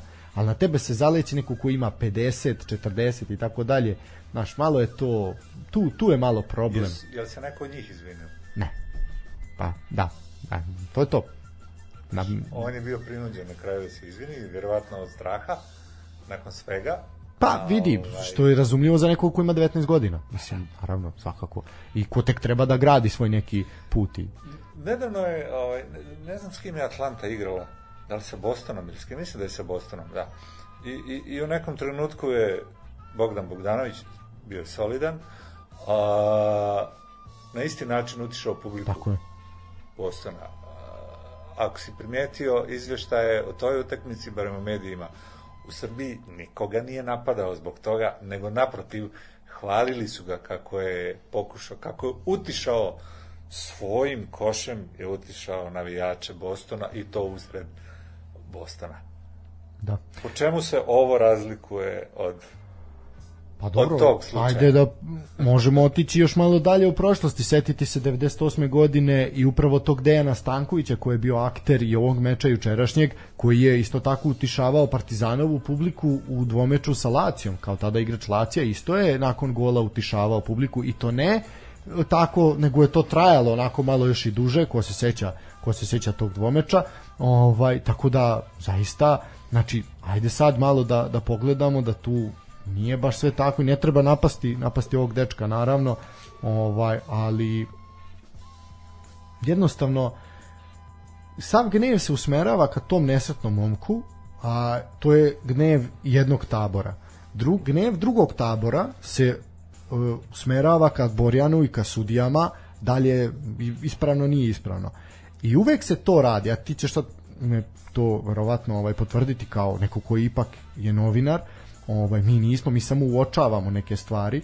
Znaš kao, uvek se uvek imaš tu dve strane priče da bi oba tabora bila okupirana nečim, zaokupljena pažnja nečim, a niko ne priča o tome što je teren bio pun peska ili što se vamo ruše zidovi tribini, znači ne ukazuje se na manjkavost, na probleme, na nešto što se realno može rešiti, nego naš daj da ono dižemo frku, dižemo dževu, to će biti vest tri dana, onda će se desiti nešto drugo, pa će onda biti večiti derbi, pa će se opet razlupati pola grada i nekoliko lobanja i tako dalje i tako dalje. Pa to je valjda već postalo uobičajeno, znaš, ti problemi, te manjkavosti i, i, i uništene slačionice, uništeni stadioni, uništeni gradovi, uništena država, uništeno sve to nešto što je naša svakodnevnica i onda se na kraju krajeva ni ne obaziremo više, niti na rupe na putu, ni da li neko slomio glavu, nogu zbog toga, nego se hvatamo jeli, ovih niskih strasti i to nekako smo uvek šampioni u tome, rekao bih. Tako da u ovome apsolutno neće, ja neće ni to trajati dugo, Tri dana. dan, dva u glave i onda idemo na novu zanimaciju za publiku i to tako uvijek ide. to smo ono što smo pričali početkom godine, tako iskorištena to nesreća ovaj te te jadne porodice iz Splita gde taj to dečko dan dan, ali to se sad više se ni o tome ni ne priča. Pa ništa, evo. To je to. Ali evo večeras koliko znam, možda baš u ovim trenucima uh, Novak Đoković je na RTS-u, je li tako? Povodom čega sad? E, intervjuisali su ga i sad on, valjda, zar mu nije bilo pruža, dosta? nudi sebe na pladnju. znači, ovaj, i, evo, Prosto. nakon, nakon, nakon tog gostovanja siguran sam da će sutra mediji biti preplavljeni njegovim izjavama i opet tako naredna tri dana i dakle već sutra će ovo biti zaboravljeno. U stvari, evo, već sada u ovom trenutku večeras. Mislim da je, da, večeras je sigurno, ali ne znam u koliko sati. Možda baš sada, da. A kako komentarišeš pojavljivanje kod predsjednika? A on je apolitična osoba. Pa slušaj, e, ne pamtim baš puno slučajeva osim za vreme Trumpa da su sportisti odbijali odlaske kod predsjednika. Dobro, za vreme Trumpa u Americi to je bilo onako jedan talas popriličan, da, i broj ljudi koji je... poput Warriorsa, jeli, Da. da. Karija i ekipe. Ali ovaj, generalno to je negdje nešto što je skoro pa ustaljeno. Nije i ne bi trebalo da bude ustaljeno u zemlji poput Srbije, pogotovo ukoliko te oni koji su jeli, na ulicama bili tih dana uh, nazivaju herojem i kao nekoga ko je dao iako nikad to nije uradio otvorenu podršku, ali ljudi se hvataju za slamke ova, i onda odeš kod predsjednika i šta?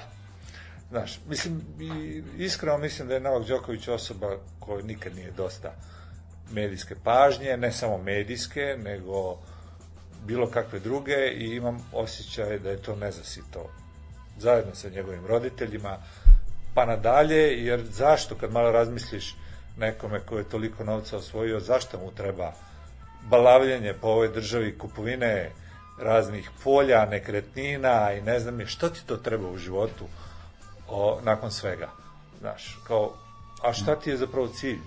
Možda ne treba njemu, ali treba tati. Pa šta i njemu treba, znaš, sve, ono.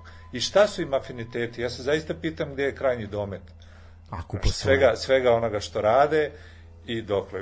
Siguran sam da će u nekom trenutku biti i političkog učlanjenja. Apsolutno. U SNS-u ili možda neku drugu stranku koja bude toliko jaka. poput- Imamo osjećaj da ćemo SNS-a Tako je. i onda ono profitiranja i s jedne, jedne i druge strane od te ljubavi, jeli? Da. Znaš, tako Pa da- imam osjećaj da ćemo ga za deseta godina sigurno gledati. Možda i kao- manje. Možda i manje. Ako imamo sada ovaj isto tako jednu priču, samo iz druge sfere, iz druge branše, ovaj imamo sa doktorku na čelu ponovo i opet je perfidno stavljeno koliko prvih 12 mesta na listi su javne ličnosti, ovaj tačnije ličnosti iz javnog života, a onda su tek jel po profesiji političari. Kako je žalostan taj javni život i Da. te javne ličnosti, Ali- a samim tim i ova zemlja gde su one javne Pa, ličnosti. znaš šta je meni Takve bilo strašno? jesu. Ajde, da ako zanemarimo to da su ovaj iskoristili taj penal opozicije pa su otišli u Borču da predaju da, te liste i to gde su potpisivali da je Vučić već bio da potpisuje. Ovaj strašno je, meni strašnije, ako postoji strašnije od te doktorke Grujičić koja se nalazi na toj listi, ovaj meni je strašnije e, dok sam gledao tu hrpu, tu vojsku ljudi u onim svetlo plavim šta god da je ono ovaj na sebi onim nekim e, nisu to ni kaputi, ali ne znam, neki šuškaci, šta ja znam, s tim svetloplavim kaputima kako nose one kutije, e to je ono što je strašno, ta vojska i ta armija je, je meni više strašna nego, nego Danica Grujičić. A ono je jeziva po sebi samo. Pa Da slušaj, imaš 800.000 članova, znaš, to je brojka kako se ne može pohvaliti ni jedna stranka u Evropi. I to u mnogoljudnijim zemljama od Od naše, da. Srbije. Znaš, to je 10%, više od 10% stanovništva. Znaš, 12-13%. Sa afinitetom daljeg rasta. Dokle? Pa dok ne budemo svi. Pa, da, Pa, ko tako. partija. pa da, pa Ali to nije loše, znaš, ja uporno govorim ljudima, to je super, treba svi da se učlanimo Dobro. i onog momenta kad dobiješ člansku knjižicu, tražiš svoj deo. Dakle, znaš, posao, Da li ti sve? ovo, ono, Čekaj. sve. I tog trenutka će se to urušiti, jer je nemoguće održati. Pa vidi, već sad je nemoguće. da. Ali vidi, Znaš, da sad ti i ja da odemo da se učlanimo. Znaš šta ćemo nas dvojica dobiti? Dobit ćemo da guramo kamen po Vojvodini kroz se Izim. to, to ćemo dobiti, to će nam biti zaduženje. Tako da ovaj bolje da ne prilazimo sad. Gledajmo ovako, budimo posmatrači sa ti strane. i ja i još pet miliona ljudi. Ovo mi zvuči kao, znaš, ovi mučeni, mučena opozicija koja kao gotov je, sad je, pada, Sad je gotovo, pad je nezaustavljiv, Da, da, da. da, Kao jebote ljudi, gdje vi živite, ono, znaš, o- koje filmove, s čim se drogirate, evo, prosto meni nije jasno. A nije ova zelena rakija, da. Ne, nije. Jeste rakija sigurno neka, ali, znaš, Iz ne, ne, ne da. postoji, ne, ne postoji to, ta količina rakije koja te može dovesti u tu vrstu zablude. Znaš, makar je svakodnevno konzumirali. Ali opet, bože moj, znaš, poskok se pojavio u snegu i Ali kraj vidi, priče. šta je, šta je pravi komentar na poskoj se pojavio u snegu? Počelo je. Da. to je to. To je to. Počelo je gotovo. Nema. Bez obzira bio poskok u snijegu, bilo zamračenje sunca ili nešto treće. Medved, Uroš, Počelo je, Miloš i ostalo. je. Da. Tako je. Medved nije vidio sjenku. Medved smršao, pa nije vidio mučenik. Slaboga, slaboga hrane. Ovaj, u suštini, nama je ostalo što se tiče ovog sportskog programa da najavimo samo uh, duel koji se igra večeras i duele koji se igraju za vikend. U pitanju je, kao što smo rekli na početku, uh, Partizan se vraća na Megdan Praškoj školi, ovaj Sparta u Pragu. Praškoj šunki. Da, ovaj eto jedan da kažemo revanš za onaj duel iz 66. godine, samo što mi se čini da će ovaj put uh, osveta biti hladno servirana ekipi iz Beograda, da će Sparta biti bolji bolji protivnik u ovom duelu. Što se tiče naše lige i našeg loptanja, ostali smo dužni još tu našu najavu naše lige. Možda ćemo Efendiju povesti negde za vikend da pogleda malo kvalitetnog futbala, a ovako stoji situacija. Znači, utakmice počinju u subotu od 14, 16 i 18 časova. Odmah je prvi derbi u Novom Pazaru, Novi Pazar Kolubara, jedna utakmica koja je bitna obema ekipa za borbi za opstanak i ovde očekuje jedan dobar, dobar futbal, tako da od 14 časova posle ručka lepo upalite arenu sport i uživate. E, naredna utakmica od 16 časova Čukarički mladost, ovo je svakako velika prednost za Čukarički i šansa da se vrate na pobjednički kolosek. Od 18 časova na prelepom stadionu u Bačkoj Topoli TSC dočekuje Spartak. Spartak nakon promene trenera, malo šamućen od nokauta koji su zaradili od radnika i Surdulica u prošlom kolu, će pokušati da uzdrmaju TSC, međutim ja očekujem da TSC ovde bude bolji ovde ako želiš da vidiš prelep stadion kako to izgleda evropski, a u našim okvirima povešću te da idemo da gledamo TSC i Spartak u Topoli, veruj mi nećeš Ja pogrešiti. vidio sam na slikama. Zaista je fantastično. Znači, zaista je napravljeno onako kako treba i vidi se da ga je tuđa ruka gradila čim je to tako sve kako treba i sve štima i sve radi, a nije se urušilo posle mesec dana, tako da zaista ono sve sve pohvale. Zaista ne, ne bi rekao da je da je to ovde i da je to u Srbiji. Kad pogledaš taj Niš, Novi Sad ili već šta god drugo. Hoćemo da završimo ovaj pozitivnom atmosferom po, da, da, molim vratim, te da se vratim samo na nešto jer Vrati se, slobodno. Jer si me sad podsjetio, a vraća nas na početak, ovaj, kad si spomenuo Novi Pazar, uh, znaš, dugičak i taj niz, sjeti se istupanja rukometnog kluba. Pričao sam, pričao sam da dok ti nisi došao sam pričao o tome, da. Ovaj, iz lige, a ja se onda sjetim i, i, i one košarkaške utakmice Zvezde i Fenerbahčeja, Da. ne, ili Galatasaraj, Galatasaraj, pardon, Galatasaraj je bio u pitanju, ovaj, Euroliga, kad su doveli guslara na teren i 20.000 ljudi Bacali papke i tako dalje, Da, da, e, da. to ti govori zapravo o tom sportskom društvu najviše. Do momenta dok opet neki novi pazar ili neko drugi iz tog futbalskog ili kog već takmičenja ne istupi. E, to ti je to. Da, nažalost pričao sam o tome baš smo ovaj kad smo pošto što je počeo play-off Arkus rukometne lige koja zaista je kvalitetna, ima šta da se pogleda i raduje što će RTS prenositi, to zaista ne mogu da im zamerim, ovaj jer je kvalitetna liga kao što je Tanja pričala i u odbojci, ovaj zaista ima se šta pogledati i zaista onako zaslužuje neki medijski prostor i ostaje tuga što je takav klub kao što je Novi Pazar istupio i je mogao da pruži, pruži zaista odlične partije. E, to je što se tiče subote. U nedelju derbi u Novom Sadu, Proletar, Crvena zvezda, a Proletar je onako ovaj spremno dočekuje. Izvini, meni je proleter i dalje iz Zrenjanina, ja ne mogu A, da- ne, to je- ne zato da nisi dobio da 100 eura, Proleter zato što se sećaš toga. u Novom Sadu i to je to. Ne, ovde će biti zaista zanimljivo, Proletar je spreman da pomrsi račune šampionu, sad vidjet ćemo će im to poći za nogom. To je od 13 časova, od 15.30 Partizan dočekuje radnički iz Kragujevca, Lalatović će ponovo biti u centru pažnje u Humskoj ulici i obrati pažnju šta sam ti rekao, vesti će biti pune opet skandiranja i pominjanja njegove porodice, opet je privukao pažnju na sebe i jednostavno neće se suzdržati ovaj tih nekih 4-5 hiljada ljudi koliko bude u nedelju na stadionu da onako mu Horski ne spominje užu i širu rodbinu. Svakako Partizan favorit na ovom meču, radnički se bori za opstanak. Od 18 časova duel Voždovca i indisponiranog Niša, ne zna se ko je ovde u goroj situaciji, Voždovac bez ključnog igrača, otišao koji je za Siću, otišao u Ameriku, čovek koji je držao ih celu polusezonu, Niš izudaran sad od Crvene zvezde i sve ove pompe koja se digla i možemo samo zamisliti kako se oni sad trenutno osjećaju. Ove, tako da ovo onako, može otići na jednu na drugu stranu, suzdržat ću se ovaj put od prognoziranja i bilo kakvih uh, obećavanja humanitarnih tiketa, jer mislim da se ovo kolo baš i ne može nešto pametno uraditi. Od 15 časova u Gornjem Milanovcu uh, Metalac Vojvodina, ovo isto vredi pogledati, ovo može biti zaista jedna efikasna i zanimljiva utakmica, opet je to termin posle ručka, uz laganu dremku, malo se probudite kad neka bude akcija i gol, tako da tako se prati naš futbal generalno i od 17 časova utakmica koja na Surduličkoj bombonjeri pokraj murala Maradone i Pixija će se susreti ekipa radnika i napretka iz Kruševca. Ekipa pa sadašnje vlasti i može se reći bivše vlasti, mada je napredak malo opet blizak, jer imaš Tončeva i Miškovića, jel?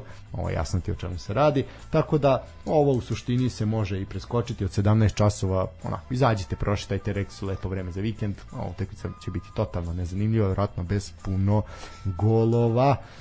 E, to bi bilo to što se tiče sporta ovaj, i ovih okolnih dešavanja van sporta ovaj, u ovoj našoj maloj, lepoj, ali nada sve okupiranoj državi.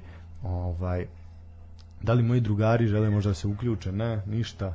Nema, jako su mi demotivisani vreme da polako završavamo. Kad su praznog stomaka. Kad su praznog stomaka, da, sad ćemo napuniti stomake i nešto drugo. Ovaj, nisam. sad, jako bih volio da znam na šta ste pomislili. Onaj, ko je pomislio nos, taj će dobiti šamaranje, ko je pomislio dupe, taj će dobiti još nešto drugo. ovaj, tako da, u suštini, eh, da, ovo je bila rođendansko izdanje, ovaj, kratko nismo mnogo davili, u suštini uspeli smo malo da se zezamo, uspeli smo malo i da ocrnimo, jer ne može drugačije. Video se vjerojatno da nam je Darko bio u gostima ovaj, i mogu ti reći, mislim, bilo je zanimljivo, ali smo čovjeka stalno pokušali, znaš, kao da pričamo o nečem što je lepo i on apsolutno se vraća uvek, znači, totalno ogorčenje svega. Ovaj, onda smo shvatili da jednostavno ne možeš. Što si stariji, a što veći staž ima života u ovoj državi, ne možeš drugačije, nego mora tako. Teško se Znaš šta, nalaze. ali to je zdrav otklon malo, znaš šta, od, od, od ovog ludila u kom živiš i dobar način orbe protiv, ne znam, ne znam šta drugo i kako drugo. E, Znaš, kako prihvatiti sve to, sve te crnjake oko tebe, nego zajebavajući se. To je to. Pa to je to. Pa dobro, znaš, moraš napraviti otklon prema poskoku u snegu, jednostavno i to. Ja prema poskoku uvek pravim otklon, vjeruj mi, kad ga vidim, bio na snijegu ili gde. A šta ako se poskok pojavi na žutom snegu, to je bolje pitanje. E, to već ne znam. Žuti. Ne znam, na- ne znam na šta misliš kada kažeš žuti sneg. Za, zašto? Ne mislim na opozicioni sneg, Nego? nego, naš, ima ovaj, isto tako jedan vodozemac izađe pa napravi žuti sneg, pa onda ako iskoči poskok može biti zajebano. Dobro. Počelo. Počelo je, otišlo je sve. Dobro, ja bih pustio još jednu pjesmicu i onda ćemo se polako odjavljivati i iščestitati se jedni drugima rođendana i svega ostalog i onda se mi družiti privatno. A vas ko šiša, šta da vam kažem, ostavite, slušajte, gledajte utakmice, uživajte, pa ćemo se čuti. Ništa, jedna pesma pa se vraćamo.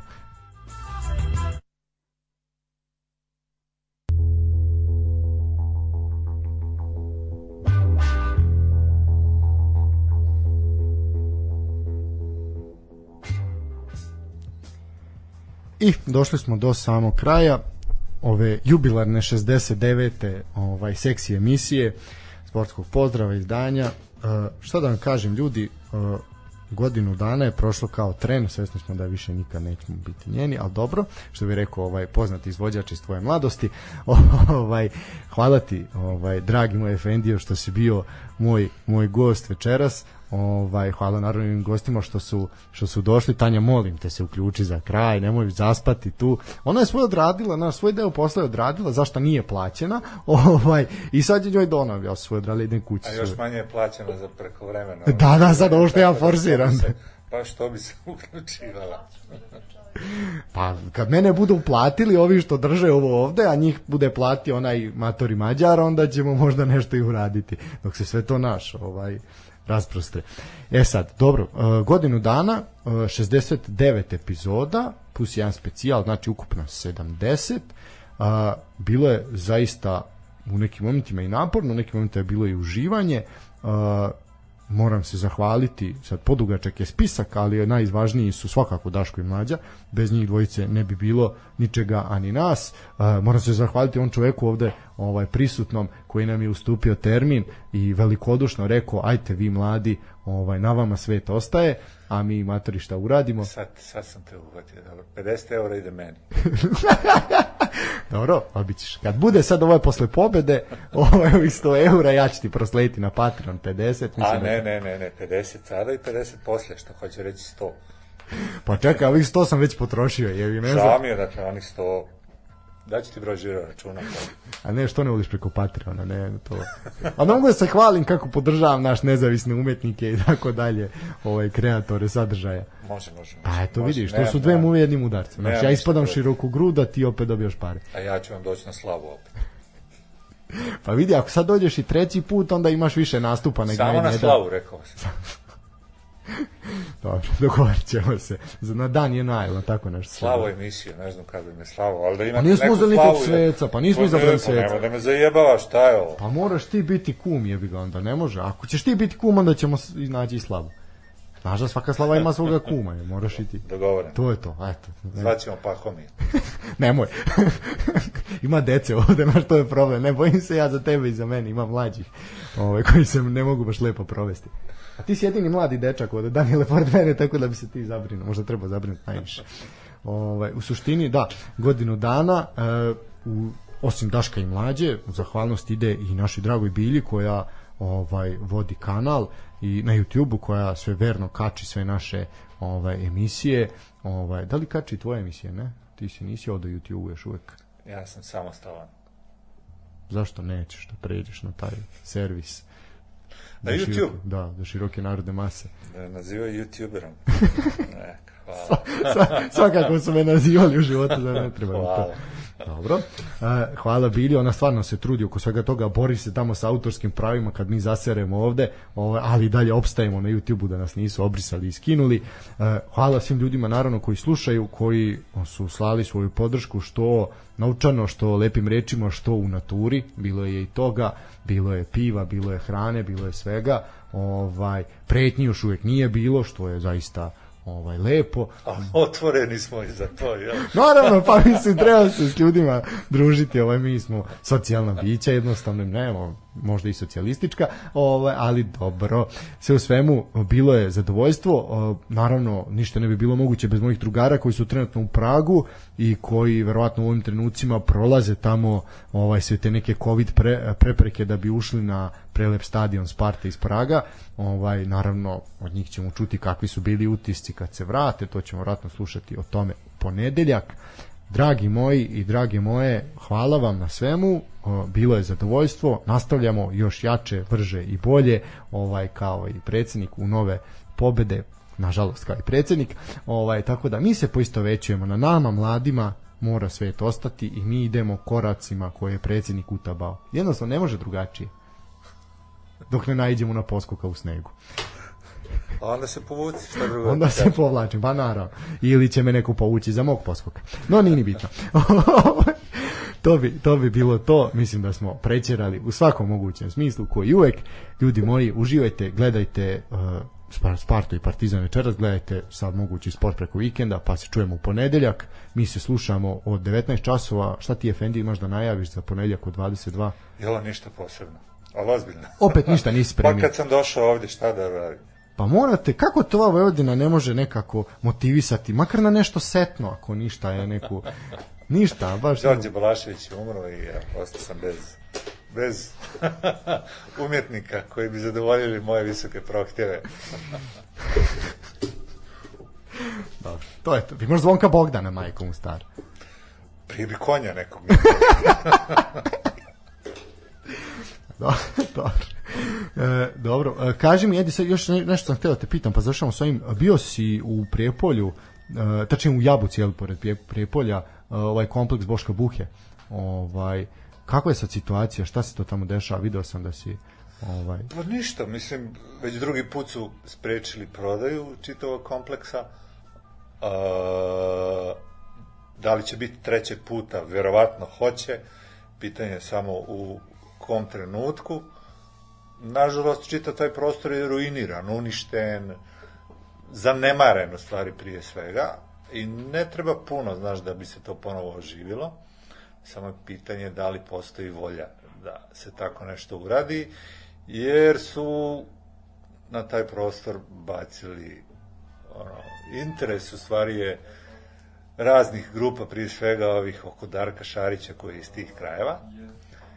Međutim, sprečava ih da kupe činjenica da je to kulturno dobro.